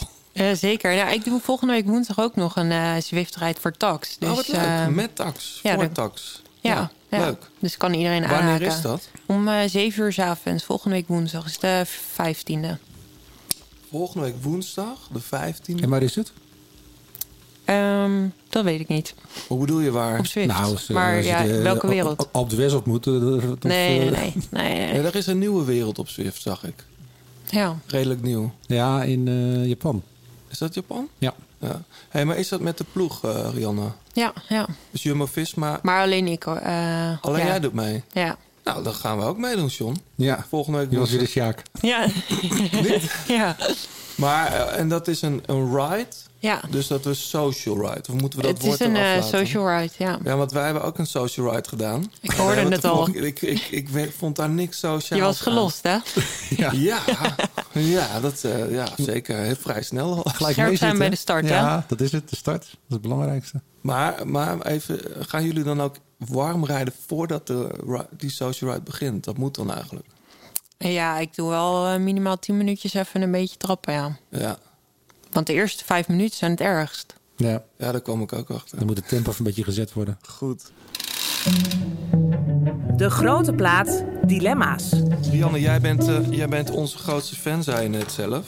Dan weet je ook dat, we, dat wij vaak eh, de dilemma's doen met leuke gasten. Ja, Ehm, Kom maar de op. grote plaat dilemma's. Je- ik hoef het jou niet uit te leggen, maar nog heel even dan voor, de, voor onze luisteraars en nieuwe luisteraars. Ehm, we stellen jou een aantal dilemma's voor, of we stellen je een vraag. Je moet kiezen tussen een van de dilemma's, of je geeft het antwoord ja of nee. En je mag straks terugkomen op één of meerdere van je antwoorden. Meestal komen we op bijna alles wel terug tegenwoordig, omdat het zo leuk is. Ehm, ben je er klaar voor? ja. Stiekem geniet ik meer van de zegen van een ploegmaat dan van een eigen overwinning. Nee, Een gravelbike of een mountainbike? Gravel. Zelf koken of uit eten? Oeh, uit eten. Ik vind het helemaal niet zo erg dat Blaak en Van der Breggen stoppen. Ehm, nee, Lage of hoge sokken? hoog. Demi Vollering wordt de beste renner ter wereld. Mm, ja, Er is niets mooier dan Olympisch goud. ja. Ik ben te weinig een klootzak voor topsport. Nee, Annemiek van Vleuten is een zegen voor het dameswielrennen. nee. Tyra Banks of Yves Cousteau? Ken ik allebei? Echt? Oh, dat is wel een goeie. Nou, dan weet ik Daar moeten we even terugkomen, Daar komen we zeker op terug. Als ik zo naar de 3 en 5 kilometer op de schaatsbaan kijk, denk ik wel eens... had ik ook best gekund. Nee, Ooit word ik wereldkampioen tijdrijden. ja, dat is mijn grootste droom. Wil je nog ergens op terugkomen? Poeh, ja, er zijn eh, wel een aantal, ja. John? Nou, over Tyra Banks en Yves Sturm. ja, dat, die hebben dus allebei eh America's Next Top Model en Holland's Next Top Model gepresenteerd. Want jij bent ooit gevraagd daarvoor, hè? Eh, ja, nee. Ik heb eh, denk ik mezelf zo... Ik weet niet meer, een vriendin of zo heeft me daar een keer op voor gegeven, denk ik. Maar eh, Oké. nee. En toen ben je uitgenodigd? Nee, volgens mij niet eens. Ah. Ik weet het niet echt meer goed eigenlijk. Het is lang Maar het verhaal geleden, gaat joh. dat Maar... jij bent uitgenodigd en uiteindelijk dat niet hebt gedaan... omdat jij voorrang gaf aan het sporten. Ja, dat, ja, dat is het, ja. Inderdaad. Ik had iets met wielrennen, inderdaad. En toen heb ik het afgezegd. Dat Ja. klopt. En anders was je misschien Hollands Next, next Top Model Nee, joh. Nee. Dat weet je niet, hè? Nee, ja. Dat was al... Ja, toen ik puber was, was dit natuurlijk helemaal het einde. Nee, daarom verbaast het ons ook dat je Tyra Banks en niet niet kent. Ja. Maar een vriendin had je opgegeven zonder dat je het wist? Of, eh? Ja, volgens mij wel, ja. En toen foto's gemaakt ook. Dan moest je foto's natuurlijk meegeven. Ja, inderdaad. Maar je had wel ver, ver weggedrongen dus. Ja, het is goed dat je me daar helpen herinneren. Hey, ehm, waar wil jij op terugkomen? Ehm, nou, er zijn wel een aantal dingen. Ik hoorde jullie... Ik, of jullie vroegen volgens mij ook al eerder aan iemand eh, van eh Annemiek van Vleet. Oh, dat was vorig jaar met Chantal. Of dat een En zegen... Annemiek zelf hebben we het gevraagd. Nou ja, of de zegen is. Ja, ik denk niemand is een zegen voor het wielrennen. Want als, als zij er niet was geweest, was iemand anders er geweest, weet je wel. Maar eh, ja, ze is wel een van de beste rensters die er is. Ehm, Nou, misschien even combineren met, met, met het feit dat, ehm, eh, dat Blaken van de Breggen stoppen. oh ja. Die zit natuurlijk ook wel in een belachelijk goede generatie. ja, dat is wel eh, het lastige in Nederland. Er zijn gewoon echt heel veel goede meiden. En eh, ja, box je er maar eens tegenop. Ja. Ja, ik, ik denk dat als jij een andere nationaliteit zou hebben... je al veel vaker bij bijvoorbeeld WK Weg was gestart. Ja, zeker. Dat is best ja. wel denkbaar, toch? Ja, ja, ik heb eh, wel in ploeg gezeten dat er eh, rensters naar het WK en zo gingen, ja, die minder waren. Maar goed, weet je, je kan het als een negatief ding zien, maar het is natuurlijk ook gewoon een ontzettende motivatie. Je moet gewoon echt de beste van de wereld zijn om te kunnen starten in Nederland. En eh, ja, aan mij en aan de rest van de rensters de taak om dat niveau te halen. Ja. Het feit dat eh, Chantal Blaak en... eh, als- Blaak gaat nog heel even door het voorjaar, denk Ja. ik. Maar Anne van der Breggen is al gestopt. Geeft dat voor jou ook als, als renner... Het is de Zo. eerste, eerste maandag van de maand. Ik weet niet of jullie het horen. 12 maar- uur. Ja, 12 uur. Ehm, is, het, is het voor... Ik heb het nooit je- meegemaakt. Dat, nee, maar dat maakt niet uit. We praten gewoon door. Dit valt eigenlijk best wel mee. Daar gaan mensen niet zoveel last van hebben. Oké. Is het voor veel... Is het voor jou... Geeft het jou meer ruimte en meer kansen? Het feit dat, dat Chantal en Anna straks geen onderdeel meer van het peloton zijn. Ja, ik denk ehm, de afgelopen jaren wel veel ehm, natuurlijk eh, van, naar die meiden opgekeken. En dat is wel echt een motivatie geweest ook om naar dat niveau toe te groeien natuurlijk. Maar Ja. er komt de tijd dat ze gaan stoppen. En ehm, ja, laten we eerlijk wezen, in Nederland is het best lekker als er twee eh, uit de vaste eh, groep eigenlijk wegvallen. Want ja, er komt er ruimte voor Tuurlijk, nieuwe meiden. tuurlijk. Maar goed, ook wel weer natuurlijk een druk. Want uiteindelijk ehm, is het wel de bedoeling dat je elk jaar de kampioenschappen wint met de ploeg. En ja, Ja. dat plekje moet wel natuurlijk worden opgevuld. Dus Ja. ja. Johannes die zei het net een beetje, een beetje wat hars. van ik ben te weinig klootzak voor topsport. Maar ben, ben jij een killer als het nodig is? Nou, ik denk wel, ehm, ja, ja, zeker. Ik, eh, kijk, je, uiteindelijk eh, vecht je gewoon als topsporter voor je plekje in het peloton. Of, eh, ja, en dan gun ik wel mezelf De beste plek. meer. Ja, maar ja, zeker. Ja, zo hoort het ook, toch? Ja. Ja. Hey, WK tijdrijden, Olympische Spelen komen er ook alweer heel snel aan. Dat is je grote droom, hè? Ja, zeker. Ja. Hoe ga, hoe ga, hoe ga je daar terechtkomen? Wat is het plan?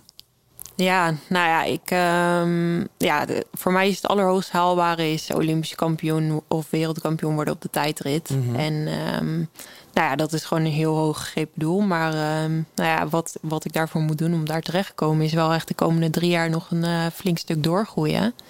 En ehm, ja, daar zijn we nu eh, de eerste stappen naartoe aan het zetten. Ja, je gaat met. eh, eh, je gaat binnenkort ga je testen ook, hè? Op de baan van Alkmaar worden. Ja, klopt. Met Mathieu Heijboer. Ja, dus eh, Is ja. dat nieuw voor je?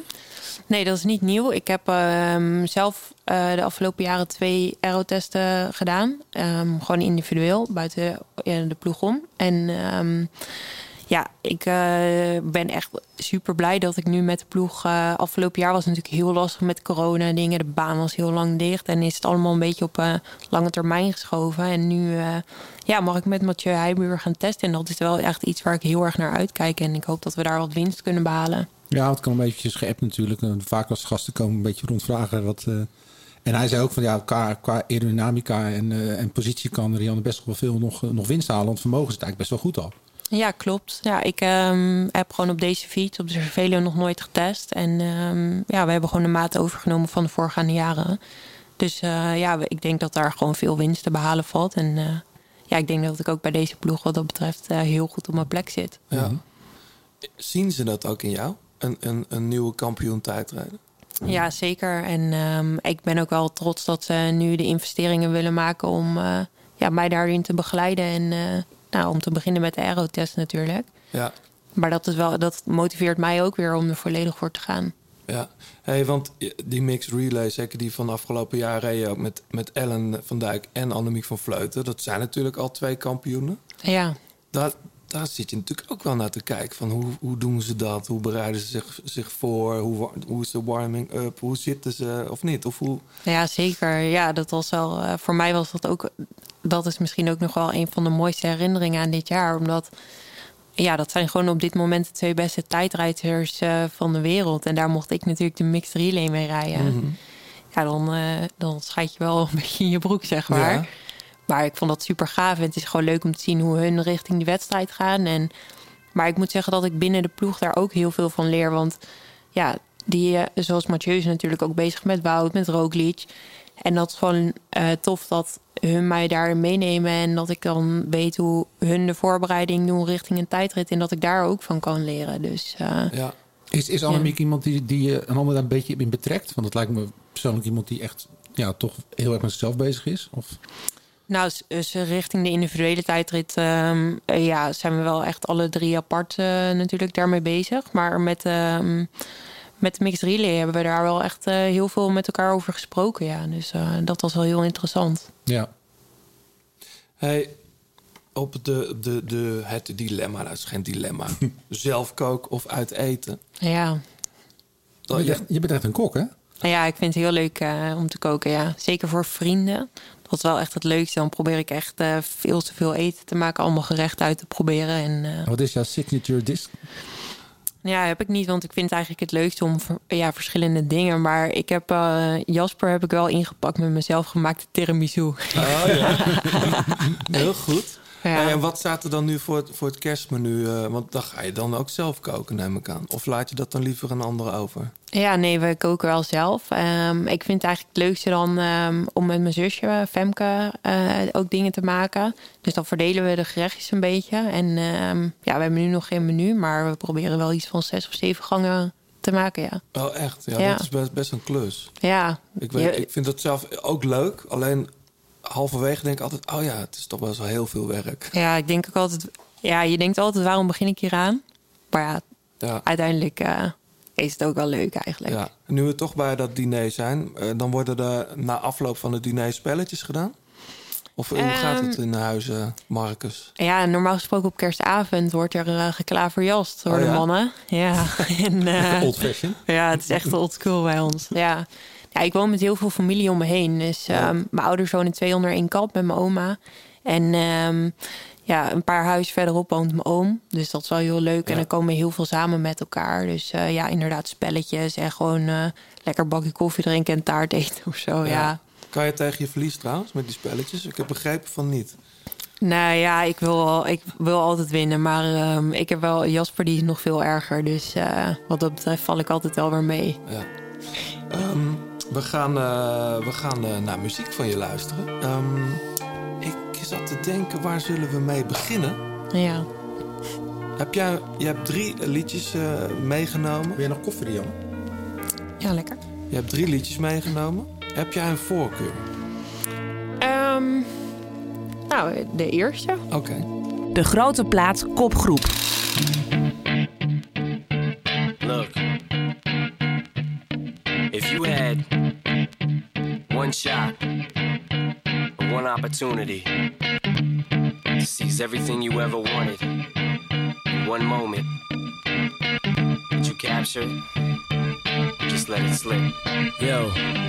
His palms are sweaty, knees weak, arms are heavy. There's vomit on his sweater already. Mom's spaghetti, he's nervous, but on the surface he looks calm and ready to drop bombs. But he keeps on forgetting what he wrote down. The whole crowd goes so loud, he opens his mouth, but the words won't come out. He's choking how? Everybody's choking now. The clock's run out. Ja, lekker hoor. Eminem. Ja. Veel gedraaid ook dit. Dit is al uh, 2014 deze plaat. Ja, klopt. Wat, ja. wat heb je met eh, Eminem of met deze track? Lose Yourself. Ja, dit is het eerste nummer van mijn Effort Motivation List. Oh ja? dus, ehm, ja? Hoe als- noem je die lijst? De Effort Mo- Motivation List. En, en wat houdt het in? Ja, dat is eh, mijn lijstje op Spotify. En eh, dit is het eerste nummer. En als ik dan eh, ja, bijvoorbeeld met een tijdrit... dan ehm, als ik dan begin met in mijn focus eh, komen, zeg Ja. maar... dan eh, zet ik dit op. En eh, die eerste klanken, dan ja, weet je gewoon van... er komt een belangrijk moment aan. Is het nu ook een soort Pavlov? Dat je denkt, shit. Ja, ja echt. En ehm, ik heb ook wel bijvoorbeeld dit WK, toen reed ik natuurlijk de individuele tijdrit. En toen zette ik het nummer op. En nu inmiddels heb ik het Sp- Spotify, Spotify Family account. Maar Mhm. ehm, daarvoor zat ik met Jasper op één account. Ja. En dan zette ik dat nummer op. En dan was Jasper in de auto aan het luisteren. Want die kwam als verrassing kijken. En dan, eh, ja, dan ging die, schakelde hij over naar hem, weet je wel. Dus dan Oh, hoorde ja. hij ook zo die eerste deuntjes. en dan weet hij ook van ja... Het is het moment gewoon dat het begint, weet je wel. Dat je in je focus komt en... eh, Maar ja. hoe, lang, hoe lang is die lijst? Hoe lang is die muzieklijst? Ja, het wordt steeds een beetje langer. Er komen elke keer eh, de echte toppertjes komen erbij. Oh ja. Maar zit jij dan... eh, Gaat het om de energie van de beat? Of in dit geval van de, van de flow van Eminem? Of zit je heel erg op de lyrics te letten?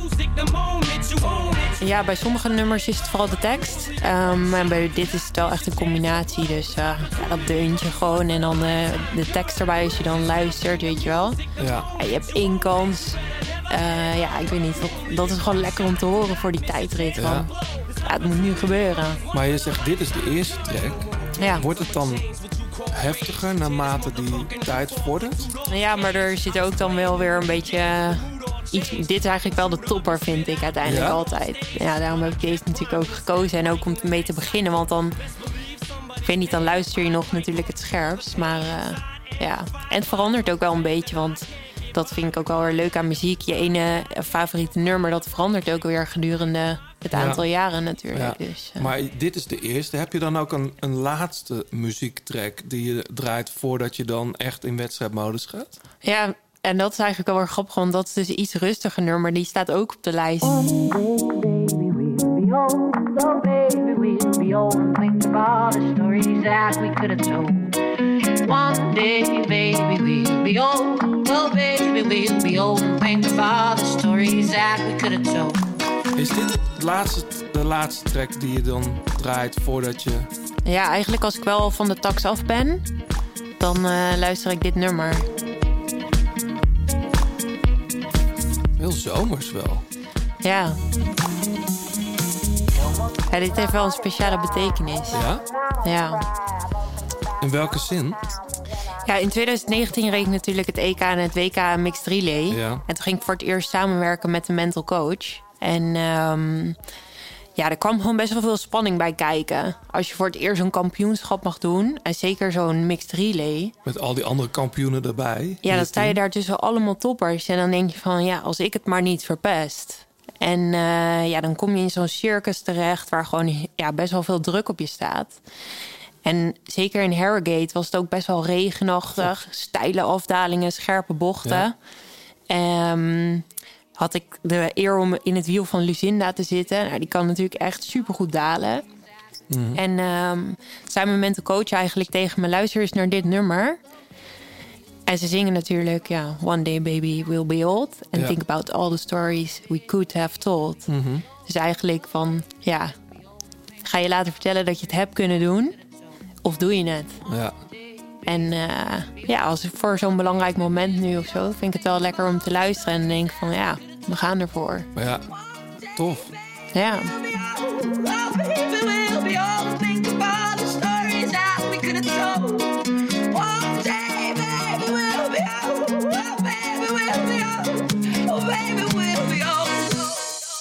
Want ik...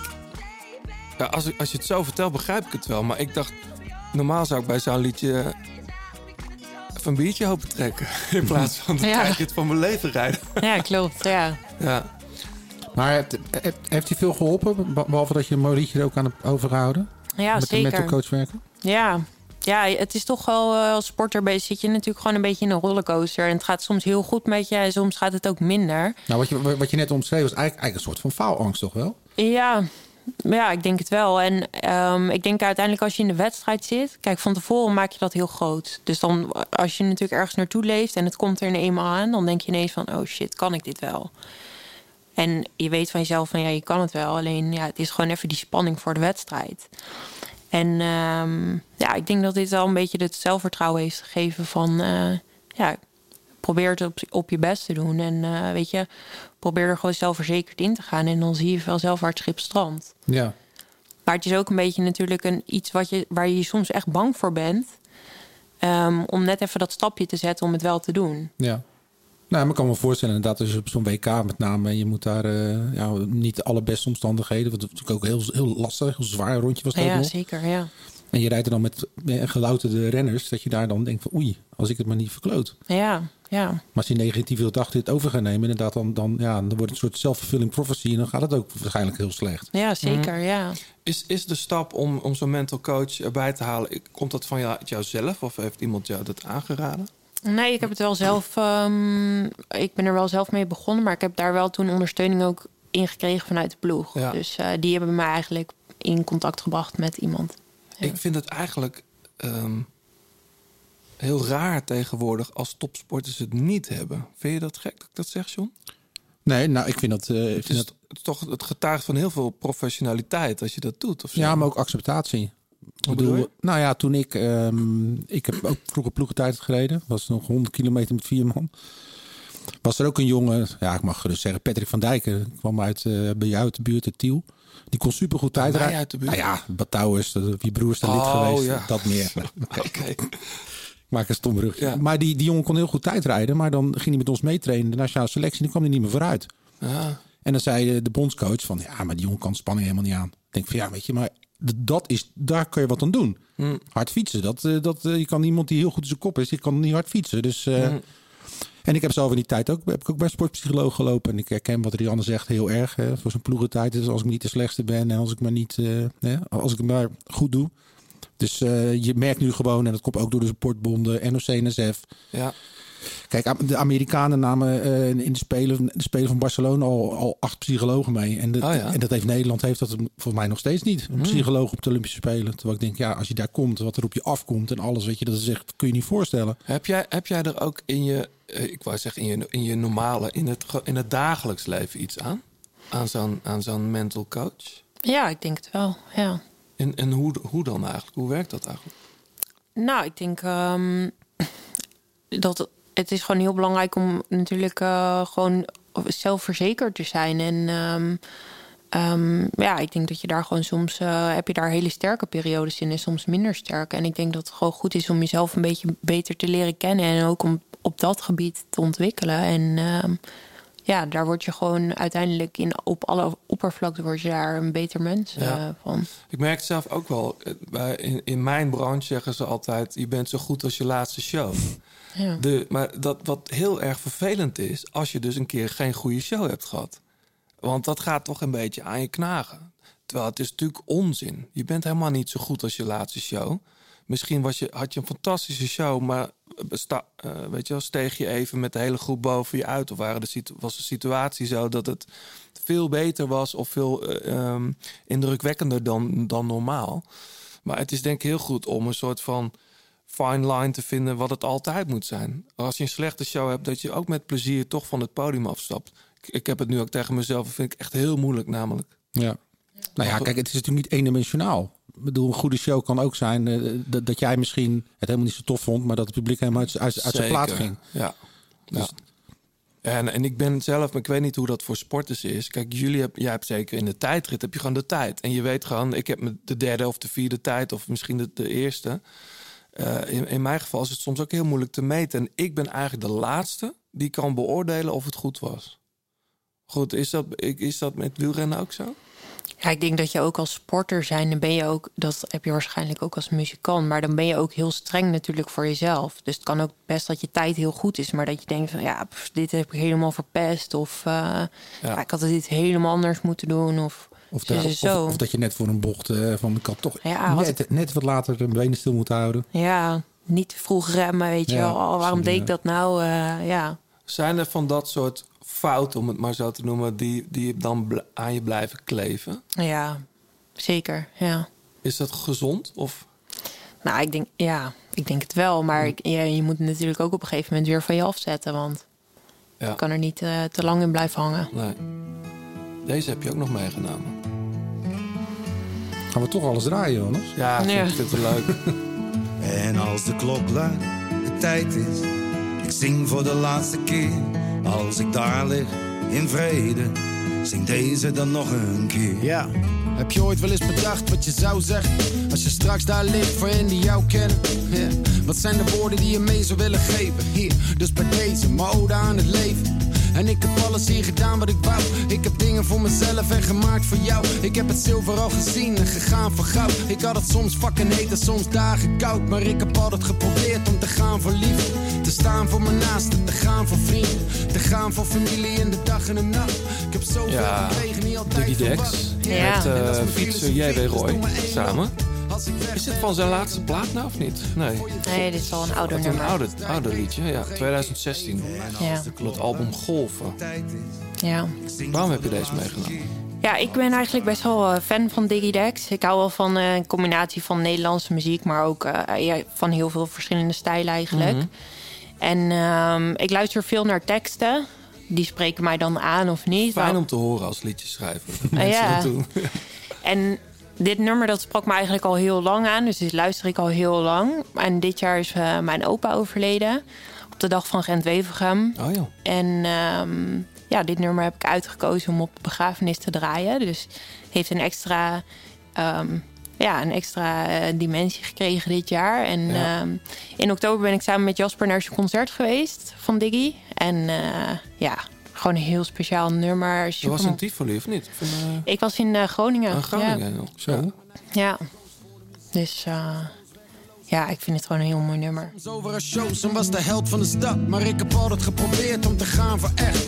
Dat lukte vaak wel, maar het soms niet echt. Ik heb mijn zinnen afgemaakt, elk woord gezegd. En ik ben overal geweest, Zuid, Oost, Noord, West. En ik ben broke geweest en ik heb buit gemaakt. Ik heb liefde gekend en ook weer uitgemaakt. En ontzettend veel gehouden van haar en van hem. En ze weet, want ik heb het zo vaak Je gezegd. zegt Gent-Wevergem, maar je hebt het, die heb je wel ge- gefietst ook. Ja, ehm, best wel gek. Ik, heb, ehm, ik was in Italië de week ervoor, want ik ben tussen Strade en eh Binda ben ik daar gebleven om twee Mhm. weken te trainen. En toen is eigenlijk mijn opa uit het niets heel ziek geworden. En ehm, ik facetimede hem, eh, facetimede hem nog op zijn verjaardag. En eh, ja, eigenlijk was hij tegen mij nog grapjes aan het maken... terwijl de familie al had gezegd van ja, het- hij is echt ziek en Ja. eh, heel raar allemaal. En ja, toen kwamen we thuis naar Binda en toen is hij eigenlijk opgenomen. En binnen anderhalve week eh, hebben we ook afscheid van hem genomen. Dus heel snel. Ja, en de dag voor Gent-Wevergem ben ik toen naar het ziekenhuis geweest. En ik had hem natuurlijk toen al eh, drie weken niet gezien. En in drie weken is hij van ja, mijn gezonde lieve opaatje naar eh, ja, ziek in het ziekenhuis en eh, overlijden. En toen heb ik zaterdag afscheid genomen. Toen heb ik tegen hem gezegd van eh, ja, ik reis zo naar België, morgen Gent-Wevergem. Ja, mijn opa was echt mijn allergrootste fan. En ja, dat was echt heel bizar. En toen voor de wedstrijd voelde ik... al- Ja, dat is heel gek, maar dat voel je dan of zo. Ja. Ja, toen is hij om 12 uur overleden. Dus eigenlijk precies een kwartier nadat wij in de auto stapten richting de wedstrijd. En Maar wanneer hoorde jij dat dan? Ja, dus na de finish heb ik meteen... Toen kwam... Ik had toen ook best wel een slechte wedstrijd. Ik kwam me heel veel pech tegen en zo. Wel met Marianne Vos gewonnen. Ja, die won. Ja. Dus, en toen kwam ik over de finish en de ploeg was... Iedereen was blij. En eh, ja, ik barst in huilen uit. En, en toen eh, kwam ik in de camper. Toen ben ik even gaan douchen en, en geprobeerd om even bij te komen. En toen heb ik Jasper gefacetimed. En Ja. ja. ja, die was bij mijn ouders. En toen hebben ze eigenlijk gezegd van... eh, ja, opa is overleden. En eh, ja, toen op vrijdag is hij eh, begraven. Dus toen hebben we echt afscheid genomen. En zondag was eh, de Ronde van Vlaanderen. Dus... eh, Ja. ja, dan zit je tussen een beetje het gekke huis van afscheid nemen en gewoon koersen. Er zijn, er zijn sporters die op dat moment denken... oké, maar dan maar even geen werk, dan maar even geen sport. Maar jij bent ook inderdaad gewoon gestart in Vlaanderen. Ja, ik ben eigenlijk een beetje heen en weer gereden, gewoon tussen thuis en België. Ook omdat ik weet dat ja, hij had het gewoon het liefst gewild. Ja. Ja. Ja. Mooi. Ja. Maar en, en, en denk, je zegt hij was mijn grootste fan. Denk je nog wel eens aan hem als je in een wedstrijd zit? Ja, heel veel. Ja, Ja. zeker. Ja, ik, eh, ik kwam altijd thuis van de koers. En ik, wat ik dus zeg, ik heb altijd eigenlijk naast mijn opa en oma gewoond. Mijn hele leven. Mhm. Dus als ik thuis kwam en de, de autodeur ging open... dan was het, eh hey, Rian, ja, goed hè, dit weekend. Of dan zei hij, ja, was niet goed hè, dit weekend. Nee. En ja, er was altijd iets. Ik had trouwens ergens gelezen dat jij bent gaan, gaan vloggen. Ja. Omdat om- je opa en oma dan het wielrennen een beetje Ja, beter klopt. gingen begrijpen. ja, klopt. Ja. Ja. Ik wou gewoon heel graag aan hun laten zien van...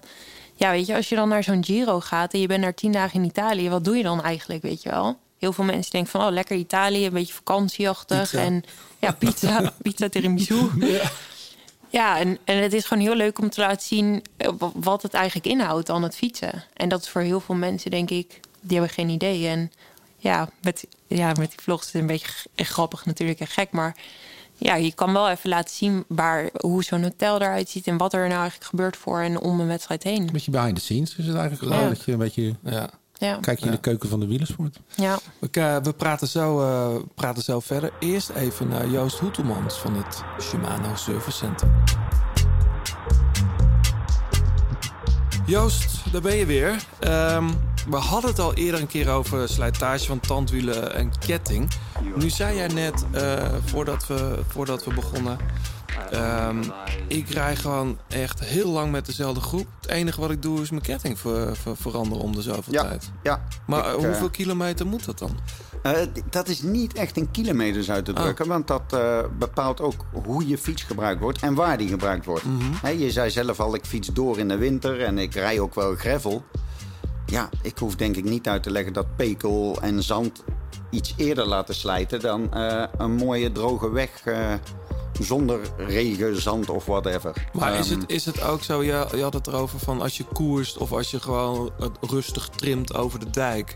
gaat Je- zeker van invloed zijn op levensduur. Eh, Van de ketting? Ja, overdreven gezegd, als je je rustige rondje binnenblad rijdt, hè, rond, ik, ik zeg even tussen 27 en 30 in het uur, dan leidt je materiaal minder hard als dat je in een groep anderhalf uur zit te duwen, buitenblad, achter veel schakelmomenten. Ja. Elk schakelmoment is natuurlijk ook iets ja. wat, wat wat doet.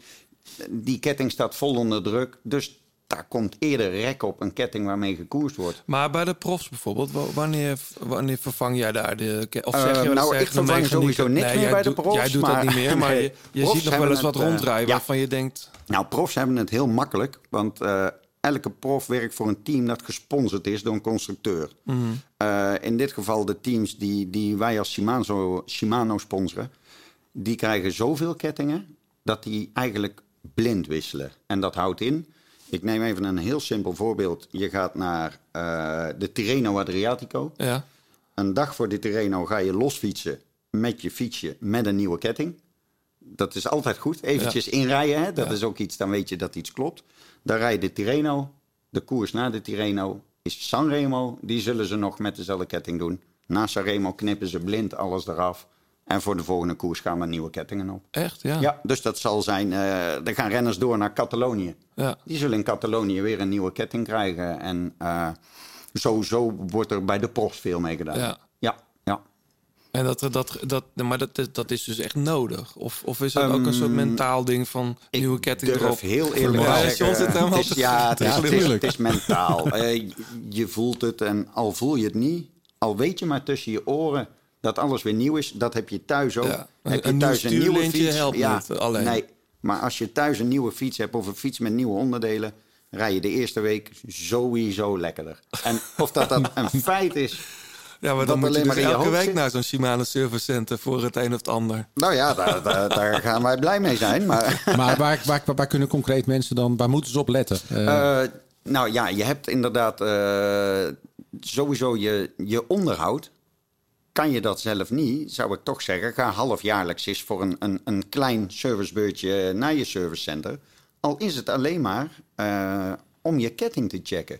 En ik denk om heel eerlijk te zijn, als je bij een Shimano Service Center binnenrijdt en zegt: Jongens, mijn fiets heeft nog geen onderhoud nodig, maar zou je heel even naar de ketting kunnen kijken? Daar hebben we een tool voor, een zogenaamde kettingchecker. Eh, die jongens kunnen in 10 seconden zien hoe de staat van jouw ketting is. Een En- kettingchecker. Ja, ja, dat is heel simpelweg een, eh, een toeltje wat je tussen de verschillende tandjes inzet. Als dat toeltje tussen de tandjes invalt, is je ketting dusdanig versleten dat die moet vervangen Mm. worden. Valt hij er niet tussenin, is je ketting nog goed. Ja. Het is echt super simpel. Je Ja. kan zo'n ding ook voor thuis kopen, hoef je nergens heen. Mm. En dan check je dat zelf. Dat is, en, eh, eh, en, en, werkt en de smeermiddelen? Moet de ketting goed vet zijn of eh, juist zo min mogelijk? Ja, daar, daar zijn ook honderd en één dingen over tegenwoordig. Ehm, Ja, maar jij bent expert? Ja, maar ik ben een expert die nog steeds ook experimenteert. Eh, een ketting moet gesmeerd zijn, dat is een feit. Eh, maar ik zit in een wereldje natuurlijk met, met profwielrenners. En daar kijken ze met smeren zelfs ook wat dat voor invloed heeft op wattages. Mm. En zover gaat dat voort. Eh, laat, ik het, laat ik het zo zeggen. Een ketting die te dik gesmeerd is, trekt ook veel vuil aan. Waardoor Juist. die dus uiteindelijk slechter wordt dan beter. Hè, er zijn mensen thuis die smeren de ketting en na één, twee weken zeggen ze: Oh ja, even bijsmeren. Ah, dat is gewoon niet goed. Een ketting moet ook schoon.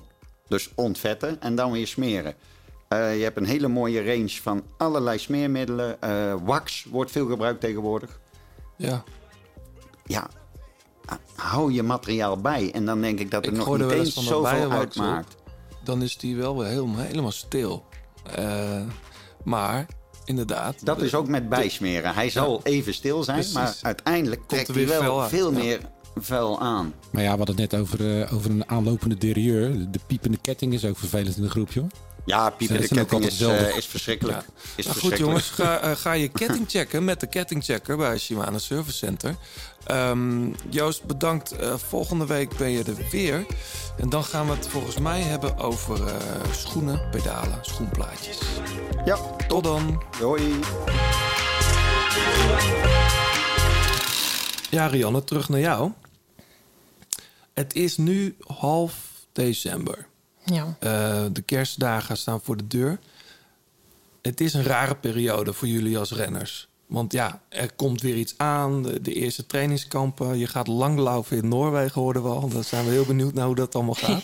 Out of the comfort zone. Straks Ja. de hele Jumbo-Visma met gebroken botten. Nee, dat is met langlaufen gebeurt dat niet, Nee? Ik ken Noorwegen niet zo goed. Maar ehm, dat doen we vaker. En zeker met kerstbrunches hebben we daar iets meer tijd voor. We zijn gewoon benieuwd. Hoe ziet nou een gewone dag eruit van jou?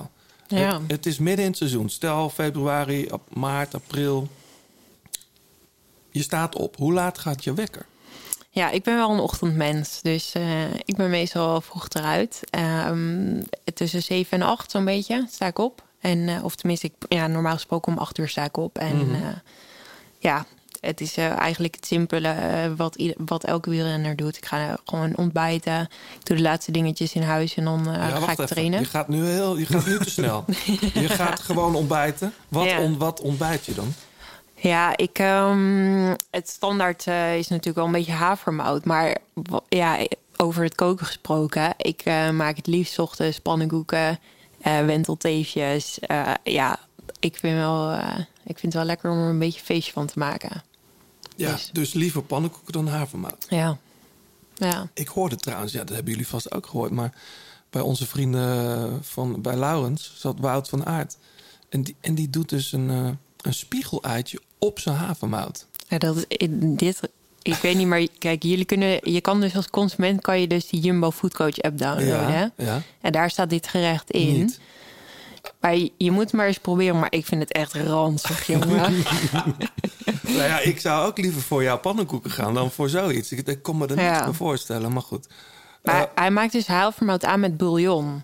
Dus dan is het dus eh, echt hartig. Ja. Ja, ik vind dat niet lekker. Bij zo mij moet wordt, gewoon eh, honing en zo. Alleen maar suiker, zoetigheid, daar hou ik van.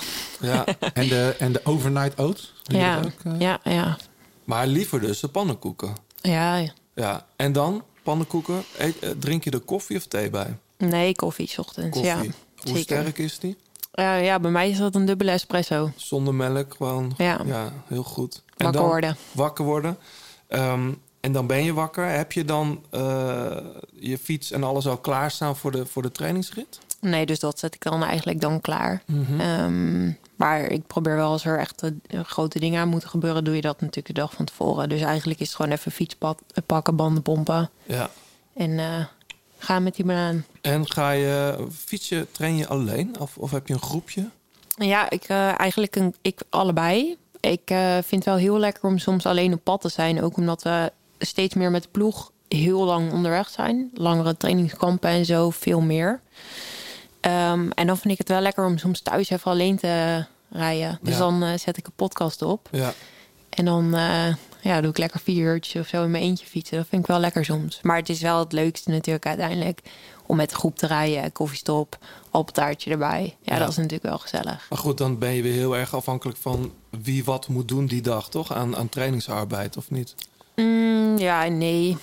Soms, eh, er staan natuurlijk uiteindelijk ook best veel duurritten op. Dus Mhm. ehm, ja, Ja. Dan kom je smiddags thuis, vier uur. Heb je dan op de fiets gezeten? nou ja, kan. Ja. Vier uurtjes. Ja. En dan? ja, dus dan ehm, gaan we eerst eh, fiets poetsen, douchen, eten.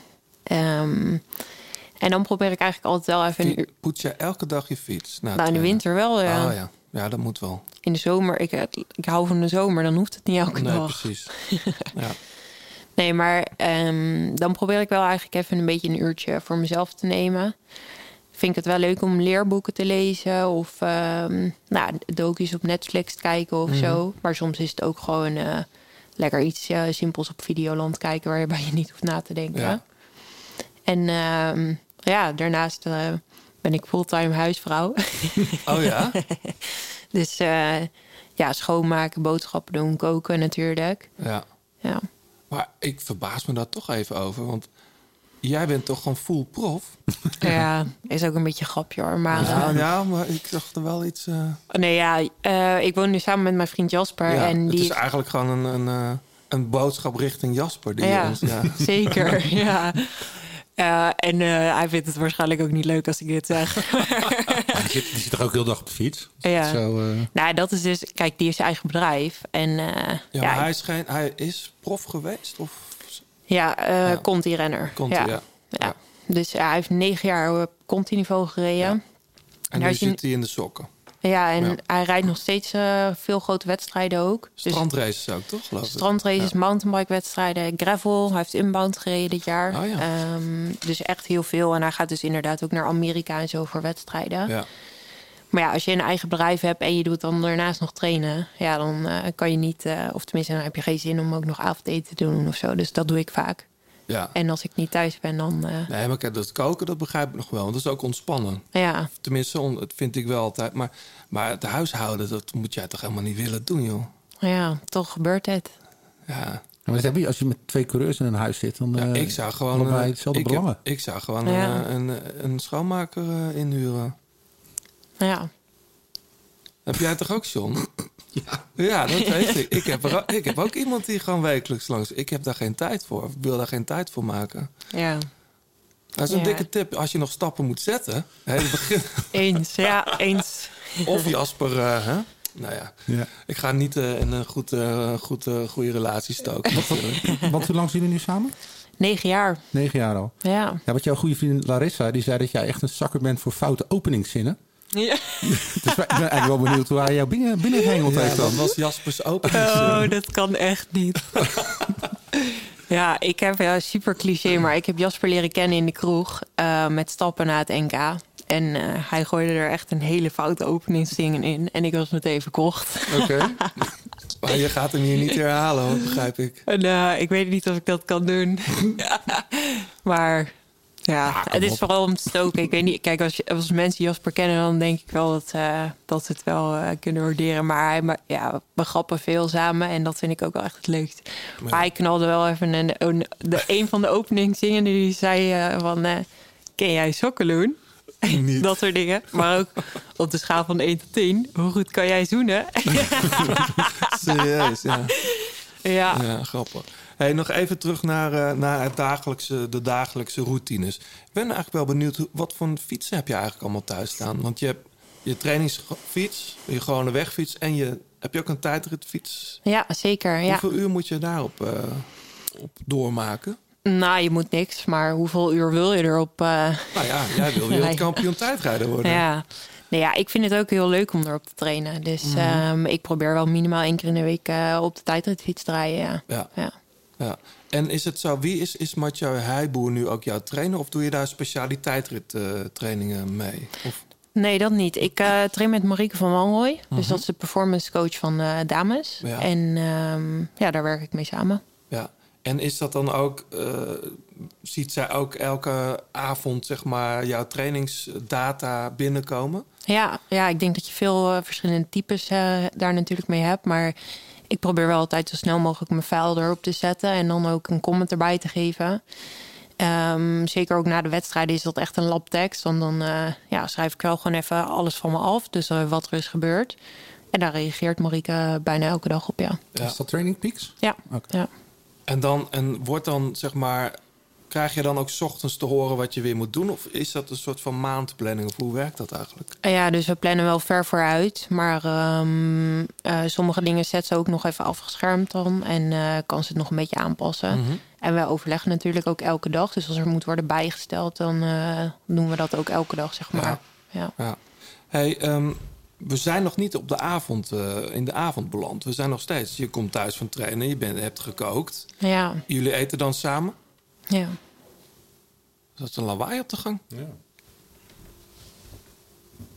Nou goed, de aarde, als de aarde vergaat, dan hoor- merken we het vanzelf. Ehm, we, je hebt gekookt en dan gaan dan de, de benen op tafel, Netflix aan, Videoland of... of Ja, we kijken eigenlijk eh, s s'avonds altijd met avondeten RTL Boulevard. Ja. Een beetje nieuws doornemen. En ehm, ja, dan gaan we rond een uurtje of acht meestal even koffie drinken bij een van de buren. Mhm. Dus dat is eh, of mijn oma, of mijn ouders, of mijn zusjes, of mijn oom. family time. Ja, en ehm, nou, soms ook bij, familie, of bij vrienden natuurlijk. Ja. En ehm, ja, even lekker bakkie doen rond een uurtje of acht. En eh, ja. Hoe laat lig je, lig je erin? Want ja, naar Jaspers zin eh, wil ik altijd te vroeg slapen. Maar ik denk dat dat ook topsport eigen is. ja, Ja. ja, maar dan lig je er voor tien uur in.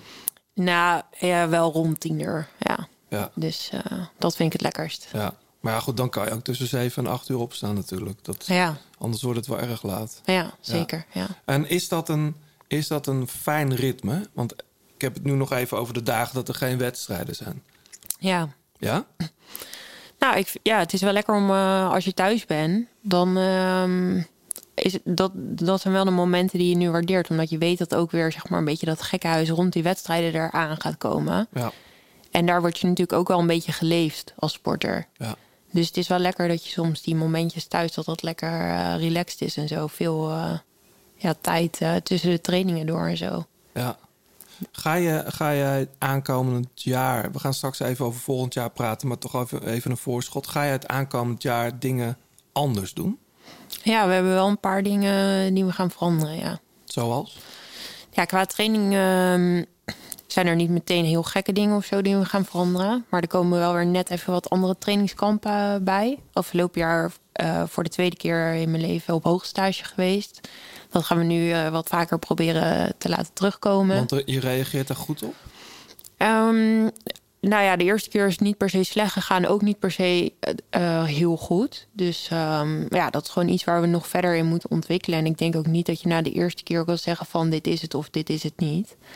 Ehm, maar waar ik wel heel erg fan van ben, is om ehm, eigenlijk na belangrijkere periodes even een week thuis te zijn. En daarna weer op trainingskamp te gaan. En dan weer een aantal wedstrijden achter elkaar mee te pakken. Dus Mhm. dat vind ik zelf wel heel fijn. Ja. En ehm, ja, dat willen we ook wel weer dit jaar doen. De grote plaat kopgroep. Many years have passed, but you're still charming. Rose falling exploding. You can't save the world on your own. I guess. Don't send me it. You keep it. You keep it.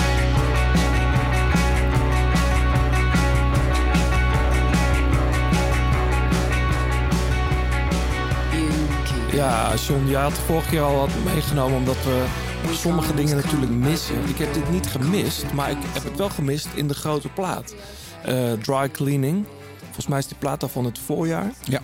Erg mooie plaat. Ehm, het is ook wel best wel veel gaande, dit soort bands. Met een soort praatzang van een, eh, in dit geval een vrouw. Ehm, erg mooie plaat. Ik denk misschien wel...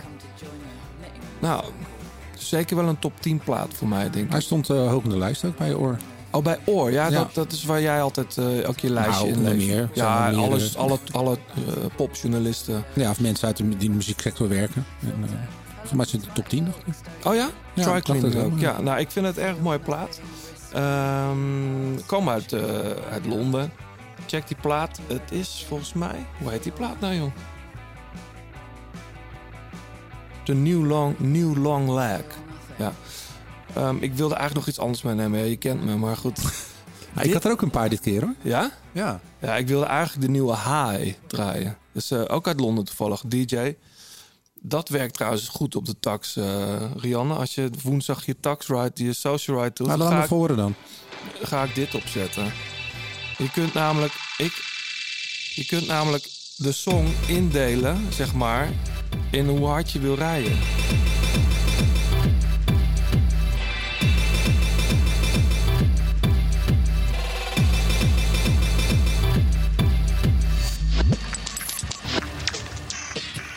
En ik doe altijd van die 2040s en zo. Daar heb ik dan gehoord dat dat, heel goed is voor je. Met mijn dikke lijf, dat ik dan straks weer die klimmetjes op kan rammen.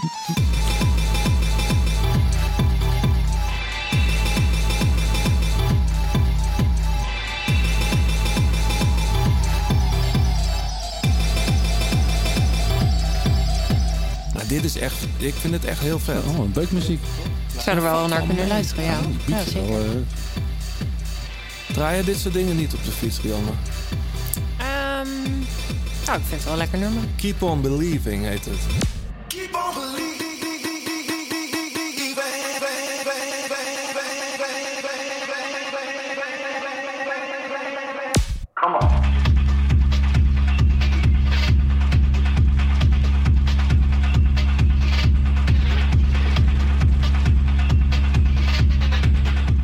Prima trapritme, toch? Om Ja. warm te rijden. Ja. Ik voel een tweede Ja. special aankomen. Nou ja, ik, ik wil eh, woensdag wel even meedoen misschien met die... eh, wat de 15e is het. Ja. En, eh, het is, waar kunnen we dat vinden? Op Swift. En dan... Hoe Ja, volgens mij, het is een Zwift-event, dus, ehm, en dan van Tax. Ja, dus dan een moet je in de... Swift-event van Tax. Ja. ja. En ben jij race leader? Ja. Oh, echt? Ja. Oh, dan moet je typen. Ja. Is dat zo? Doet Jasper dat dan? Nee, nee, nee, ik doe Ah. het vaak zelf. Echt waar? Maar het is ook wel lekker als je dan bijvoorbeeld tot de tijdritfiets gaat. Want dan kan je zo in je stuur Oh, ja. liggen en dan kan je ondertussen typen. Ah, Dus, eh, zo doe je dat. Ik heb het al vaker gedaan, Ja, race leader ik merk- zijn. Ik merk het, ja. De grote plaats, laatste kilometer. Eh, we zijn in de laatste kilometer aanbeland, eh Rianne. En wat we dan altijd doen is even vooruitblikken. We hebben al een hoop, een hoop besproken. Eh, we weten onder meer dat jij eh, gaat langlaufen in Noorwegen. Met de ploeg.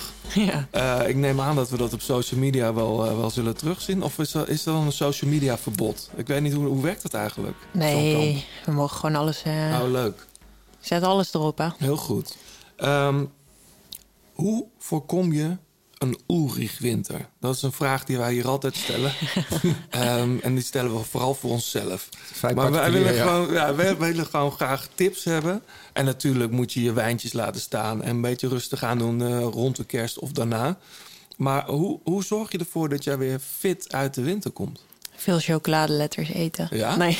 Dat is het, hè? Nou ja, ik vind het, wat het leukste is aan deze periode... is dat je wel wat meer tijd hebt om nieuwe routes te proberen natuurlijk. Dus ehm, ja, als het dan niet regent in ieder geval... want anders is het als amateur is het wel echt een beetje een hel. Ja. Maar ik rijd zelf heel veel op het strand. Dus ehm, komende zondag is het Europees kampioenschap strandracen. Doe je mee? Ja, daar doe ik aan mee. Oh, te gek. En waar is dat? In eh, Frankrijk, in Duinkerken. Dat was twee jaar geleden ook. En eh, ja, dus eh, af en toe een wedstrijdje meepakken op het strand. Je moet me even uitleggen. Ja. Die strandracers, die fietsen zijn toch weer anders dan gravelbikes? Ja, klopt. Die hebben andere geometrie en sowieso natuurlijk andere banden. Ja, nou eigenlijk waar het mee begonnen is, is gewoon een mountainbike frame. En dan met een vaste voorvork. Ah ja. Het rijdt Thomas Dekker nog steeds op, toch? Ja, ja dus ik ik zelf zou mijn ook. mountainbike Ja, ook kunnen gebruiken. Zo'n 29 ja heb ik zeker. bijvoorbeeld. Oh, ja. En eh, ook als je het een keertje pro- wil proberen en je weet nog niet of je het leuk vindt... dan kan je prima ook met je verende voorvork eh rijden. Heb ik mijn eerste wedstrijd ook meegereden. Mijn allereerste wedstrijd reed ik zelfs met noppenbanden. Ja.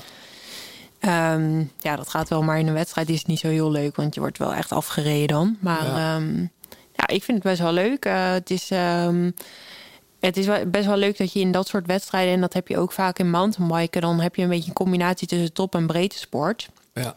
Dus je staat eigenlijk gewoon allemaal aan dezelfde startlijn. In de eerste startvak. zoals laatst met NK Gravel eigenlijk. Ja, precies. Nou ja, en, maar nu sta je dan met z'n allen. Dus, dus eh, de eerste twintig zijn zeg maar topsporters bij wijze van spreken. En daarachter staat de rest. Mhm. Dus je zit rechtstreeks in dezelfde wedstrijd als bijvoorbeeld... eh, nou, soms deed Tom Dumoulin mee of, eh of Laurens. Of, en er, daar race je gewoon direct tegen. Ja. Ik denk dat dat heel leuk is. En ik vind, ik vind dat zelf ook heel leuk. Ook om contact te hebben dan met de mensen die meedoen. Ja. zo is het op het strand rijden. Dat, dat schijnt een soort van wintersportgevoel ook te geven. Dat je lekker met die, met die zeden langs en die vrijheid. En, Ja. Ja, en met z'n allen daarna wat drinken. Ja. Dus eh, er is meestal een strandtent zeg maar, waar het nummer halen is en zo. Ja, daar komt iedereen dan ook eh, na de finish gewoon nog even... Ja, de ene keer een koffietje, de andere keer een warme choco drinken. En hoe, hoe, eh, hoe, hoe breed zijn die bandjes? Ehm poeh, goeie vraag. Ehm, ik weet eigenlijk niet echt hoe breed ze zijn, maar volgens mij 60 mm. Maar wie doen, er, eh, wie doen er zondag bijvoorbeeld mee? Zijn er eh, grote namen ook? Bij dames of bij de mannen? Ja, bij beide. Ja, bij de mannen doen er wel echt best wel veel profs mee. Dus ja, ja ik, gisteren reed Jasper een wedstrijd in ehm, België. Dan reed hij ook tegen eh, die jongens van de Koning. Dus ehm, eh, Tim de Klerk en eh, Yves Lampaard. Mhm. ehm, Timothy de Pont deed mee. eh, de jongens van Lotto Soudal. Brent van Moer. ehm. dus ja, in België doen er wel echt veel profs mee, normaal gesproken. In Nederland af en toe, als het Ja. goed uitkomt. Ja, Nicky doet ook wel eens mee, toch? Nicky. Sebastian Langeveld. Sebastian, ja. Ja. zeker. Lars Boom heeft het ook heel lang gedaan natuurlijk. Ehm, ja, best veel. Bij de dames iets minder. Er zijn wel veel, veel meiden die het echt frequent doen als het Ja. ware, maar niet echt. Het is nog niet heel breed. Maar, maar Jasper hoort er ook nog wel bij de top. Ja, zeker. Ja. Ja. ja. Hey, en, en dat EK, is het dan in dit geval een leuke, een leuke training voor je? Of heb je echt ook ambities dan? Nou ja, een beetje combi. Dus Ja? eh, mijn conditie is zo dat het leuk meedoen is. Maar ja, als je, je wil natuurlijk eigenlijk gewoon altijd het, het beste eruit halen. Ja. Dus, eh, En moet jij voor dit soort dingen toestemming aan je ploeg vragen? Van, Ja, dat wel. Ja. Dus ik overleg gewoon eh, met Marika en die eh, ja, overlegt het dan ook binnen het team of het past. En ja, ja dan krijg ik akkoord of niet. Ja. Dus eigenlijk zeg jij, willen wij een Ulrich Winter voorkomen, moeten we gewoon gaan strandracen, John. Nou, het is sowieso leuk om over te... Ik, ik, heb het nog nooit gedaan, maar het lijkt me best wel leuk. Maar het is weer, dan moet je, ik moet vanuit Rotterdam een hoek van Holland of zo. Ja. En dan moet je weer terug. Ja, en voor de duidelijkheid, het zijn, het zijn wel niet mee willen hebben beach dan. cruisers, hè? Nee. Die Nee? heb je ook- nee, nee, het zijn Nee. gewoon eerder, eh, het zijn eerder eh, race mountainbikes eigenlijk, als ik het... Ja, het is eigenlijk ehm, een beetje per wedstrijd verschillend. Maar het is een, een beetje een combi tussen het wegwielrennen en het veldrijden eigenlijk. Want je hebt een aantal technische passages, maar ook iets langere rechtdoor stukken. En dan is het natuurlijk afhankelijk van de wind of het eh waaien rijden wordt. Dat je op de kant zit of Ja. dat je meewind hebt of tegenwind. Dat het tegenwind is tactischer, meewind is echt meer op de, op, op de power. Ja. Dus eh, ja, ik vind het wel eh, een heel leuke Leuk. afwisseling. Maar je, je- je moet toch ook stukken door mulzand Ja. soms? Maar dan heb je dus geen noppen erop. Nee, klopt. Rij je dan niet je helemaal rijdt vast? zo- sowieso zonder noppen, ja. Dat is het snelst. Ja, maar rij je dan niet helemaal vast? Eh, nee, we rijden hele lage spanning. En omdat de banden heel breed zijn... ehm, ja, kan je eigenlijk wat makkelijker door het, door het mulzand rijden. Maar goed, je rijdt ook vaak natuurlijk even een stukje de over de duin heen als het ware. Dus dan moet je natuurlijk ook lopen. Ja. En dan, als je dan teruggaat, dan rij je dus de duin af door mulzand weer het strand op. Dus dat is dan weer technisch eh, heel lastig. En heb je, heb je twee bladen voor of niet? Nee, enkel. Enkel, hè? Ja. We moeten de volgende keer wel van Joost vragen wat het met je materiaal doet. Want eh, volgens mij is er niks Nee, slechter dan door is- zand en zout. En... Ja, Nee, dat klopt. Ja. Hey, even, even los van het, van het, eh, van de, van het strand. Ehm, wat, wat zijn je doelen volgend jaar? Ja, het doel is om weer eh, een stap te maken natuurlijk. Ehm, allereerst voor mij het allerbelangrijkste... of het, ja, gewoon wat ik het allerleukst vind, zijn de tijdritten. Dus die staan wel echt met stip op nummer één. Ehm, nou, en natuurlijk altijd het NK, maar ook een aantal eh meerdaagse waar een tijdrit in zit. En ehm, nou, ik hoop ook dat ik een meerdaagse een mooie uitslag een keer kan rijden. Eh, Ja. Dus ja. Jouw favoriete koersen zijn eigenlijk Straden en de Amstel, toch? ja, klopt. Ja. Is het mogelijk dat jij in één van die koersen podium haalt? ja, alles is mogelijk. Maar is het, is het iets waar je serieus mee bezig gaat? Ehm, nou, zeker, ja. Strade is, ik vind eigenlijk het mooiste vind ik eh, echt zware koersen. En dat zijn gewoon de voorjaarsklassiekers. Dus de Strade, dus een Amstel. Maar ook Luik, Bastenaken, Luik, eh, Vlaanderen. En ehm, nou ja, ik, heb, eh, ik hoop toch gewoon dat ik daar in de finales zit volgend jaar. En ja, dat we er een mooi resultaat met de ploeg sowieso natuurlijk kunnen uitslepen. Maar eh, ja, ik hoop ook dat ik er zelf gewoon heel goed rijd. Ja. Hey, ehm, wanneer is straks je eerste wedstrijd eigenlijk? Ja, dat weet ik nog niet. Nee? Dus volgende week is teamkamp. En ehm, we hebben eigenlijk evaluatie gehad eh, ehm, nadat het seizoen is afgelopen. En dan nu met teamkamp gaan we dan doorspreken wat echt het plan gaat worden. Dus welke wedstrijd echt Ja. definitief worden. Ja. In hoeverre heb jij nu al voor jezelf een lijstje van... ja, maar daar wil ik sowieso starten? Ja. ja, dat is altijd heel lastig. Want Tour de France, hè, volgend jaar. Ja, Voor jullie. ja.